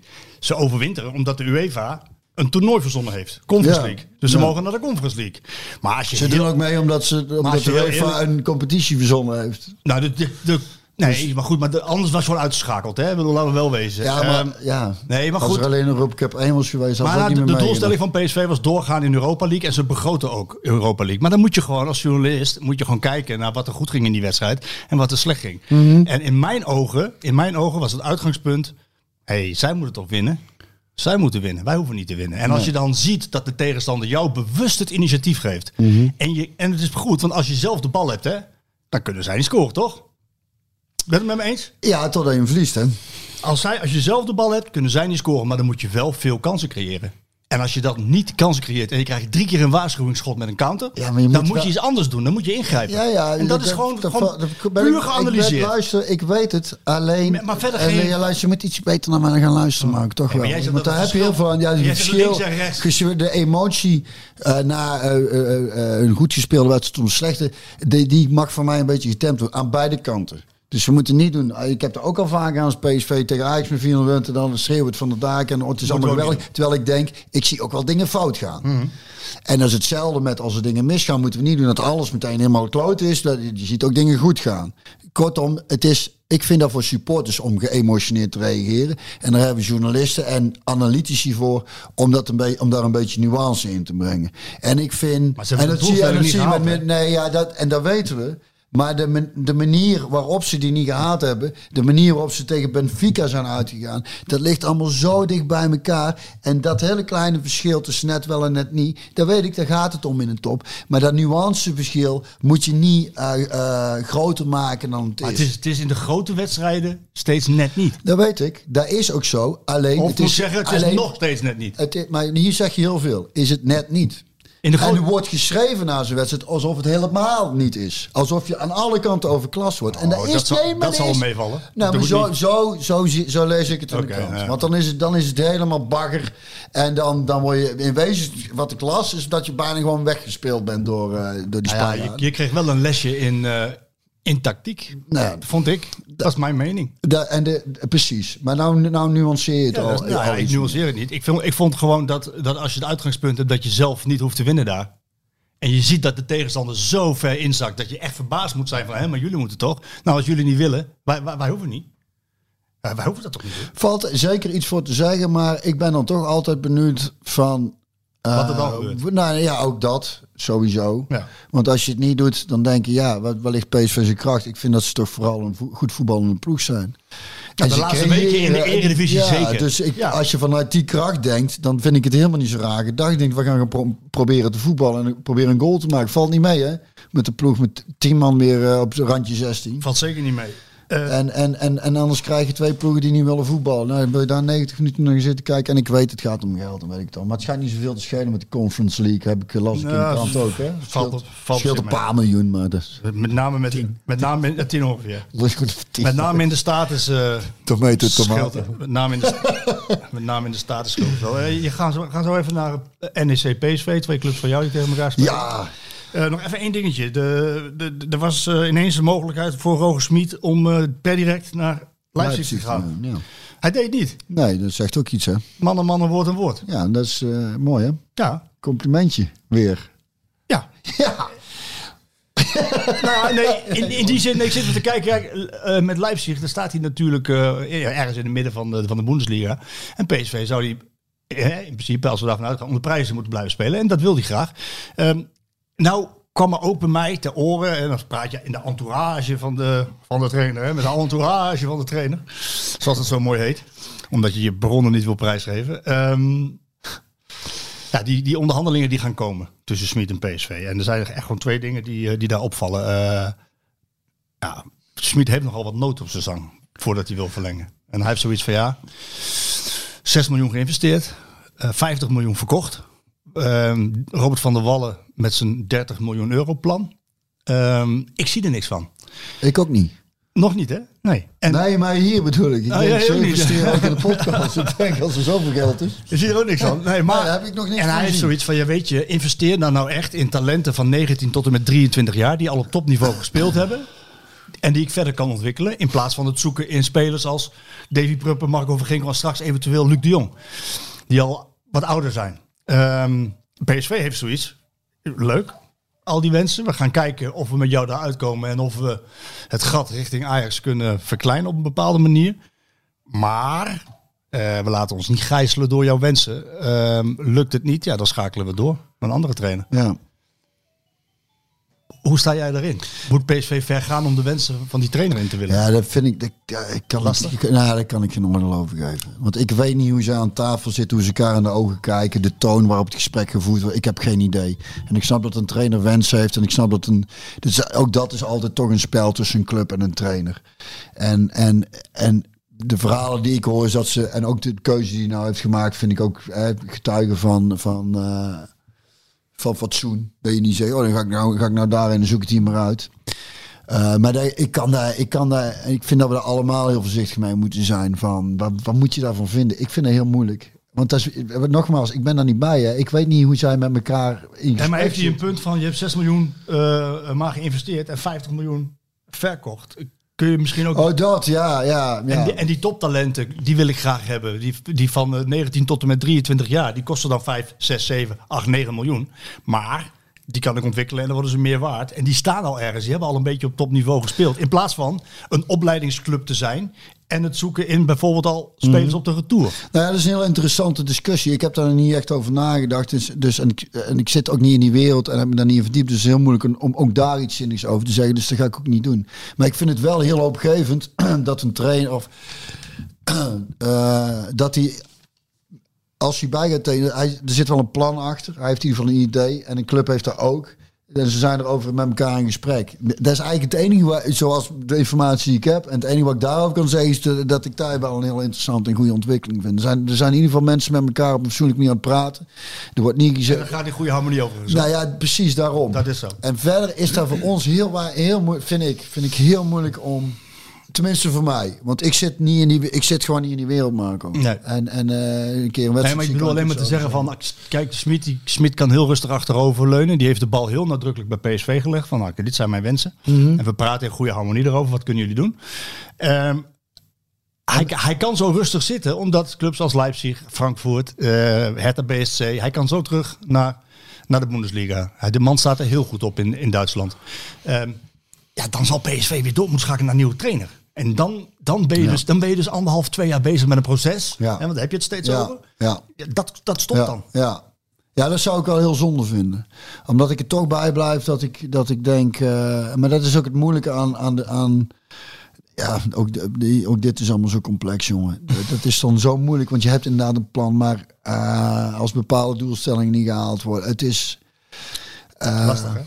Ja, dat is het. Dat blij, en de, en eh, daarvoor ben ik blij dat het, dat het mijn vak niet is. Want wat moet je inderdaad gaan doen? Want als hij gaat, dan gaat waarschijnlijk heel, zo'n, heel die staf mee. dus dat moet ook allemaal opgevangen worden. Supporters vragen, mij, supporters vragen mij om het nummer van Kees van Wonderen, maar die krijgen ze niet.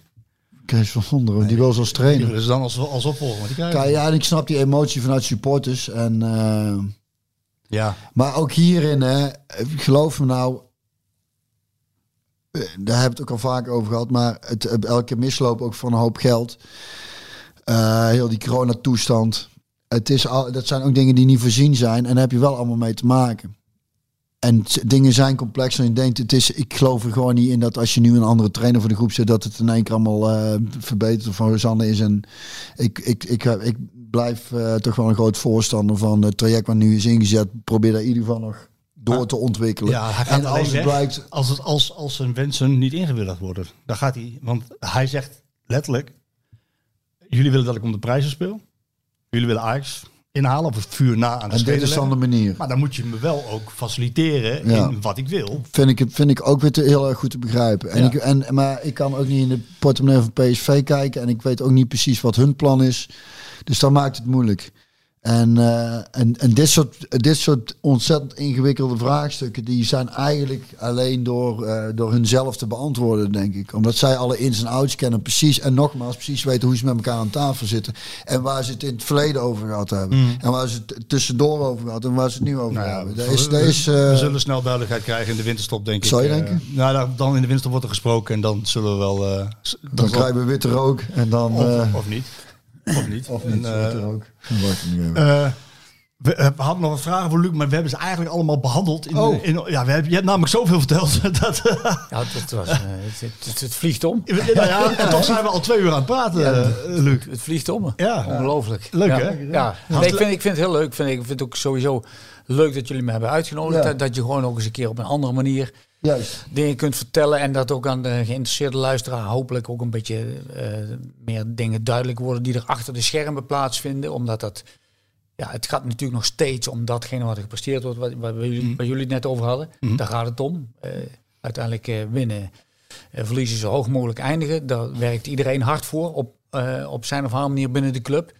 En dan is dit, waar ik dan een exponent van ben, een, een, een stukje van die, eh, van die onderliggende wereld. Ah, we Ik vind hebben het wel goed- leuk, ja, want Ja. Het is, eh, ik, je ziet daar of leest daar weinig en hoort er weinig over, over het algemeen. Dus Nou ja, ik, vind, de denk dat elke PSV-supporter hier wel... eh, In het geval van PSV zeker, omdat Smit juist heel, eh, eh, eh, ja, heel eigen gereid is in zijn keuzes. En eh, op fysiek vlak juist de spelers wil beschermen en veel wisselt. Dat, dat heeft veel discussie teweeggebracht. Nou ja, we hebben een mooi, je hebt een mooi inkijkje gegeven in welke componenten er allemaal bij komen Ja. kijken. Ja. Ehm, heel erg dank dat je er was. Leuk, ja, jullie ook bedankt. Ja. Björn, jij wil eh, afsluiten? ja, Heb je mooie muziek? Eh, ja, ik heb wel muziek. eh, ehm, dus wel leuk gezien de situatie nou ook weer bij PSV. En ik had, wat ik nog heel even aan wilde halen, want we ontkomen er niet aan. Hè, dat, eh, ik, heb je ooit gezien dat, eh, van, daar, daar moest ik aan denken laatst. Eh, heb je ooit gezien toen Michael Jackson net was overleden en zijn vader werd geïnterviewd? De vader van Michael Jackson? Staat me wel iets van bij, maar help me eens even. Ja, ik, het was. De vader van Michael Jackson werd geïnterviewd toen eh, zijn zoon net was overleden. En toen zei hij, ja, dat vond het allemaal wel erg. En toen ging hij gewoon, eh, vervolgens sloot hij het interview af met dat zijn nieuwe cd net uit was. Oh ja. En dan moest ik een beetje aan denken toen Hugo de Jonge laatst in een ziekenhuis in Tilburg was. Dat hij het ook een beetje afsloot met jongens 2G. Ik weet dat het moeilijk is om te bespreken. Ik denk, oh die gooit er ook nog even zo heen uit. Daar moest ik, eh, daar moest ik even aan denken. Maar ik heb daar verder eh, eigenlijk natuurlijk weer van alles over te zeggen. Maar dat gaan we niet doen. Eh, wat ik vooral wil zeggen is, een vriend van me, Ruud van den Boogaard, speelt ook gitaar bij mij in mijn band. En onder andere bij jij bij Roy ook. En, en maakt zelf ook prachtige liedjes. En eh, alleen hij is wat dat betreft, eh, eh, heeft hij, is hij, nou lui wil ik niet zeggen, maar hij heeft ruim tien jaar geleden zijn eerste plaat uitgebracht. Die heette Open Hart. Die was zo goed, dat die tien jaar lang. En hij heeft dus een tijdje terug heeft hij zijn tweede album uitgebracht met de titel Eindelijk. maar die, die, die eerste die stond nou eindelijk op Spotify. En, eh, en, en daar eh, ging ik weer eens naar luisteren, want ik heb hem op cd, maar ik kan geen cd's meer spelen. En hij is niet op vinyl verkrijgen. Dus die was nou eigenlijk op Spotify en dan kwam ik door die liedjes en godverdomme, wat zijn het toch mooie liedjes. En een van die liedjes was ik eigenlijk alweer een beetje vergeten. Ik denk, het is een prachtig liedje, maar vooral in deze tijd als PSV-supporter, maar ook in de coronatijd waarin we leven, met alleen al de titel Alles komt goed, dacht ik, nou ja, dan sluiten we daar maar mee af. Geweldig. Bedankt. Luc, bedankt. jongen. ハハハハ!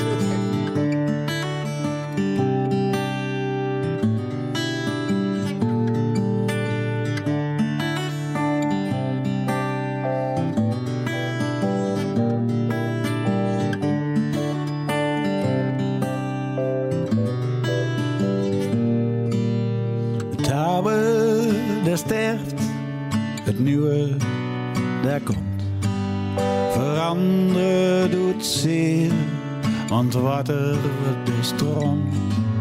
Langs stenen die slijten, der berg en der dal. Laat het stromen,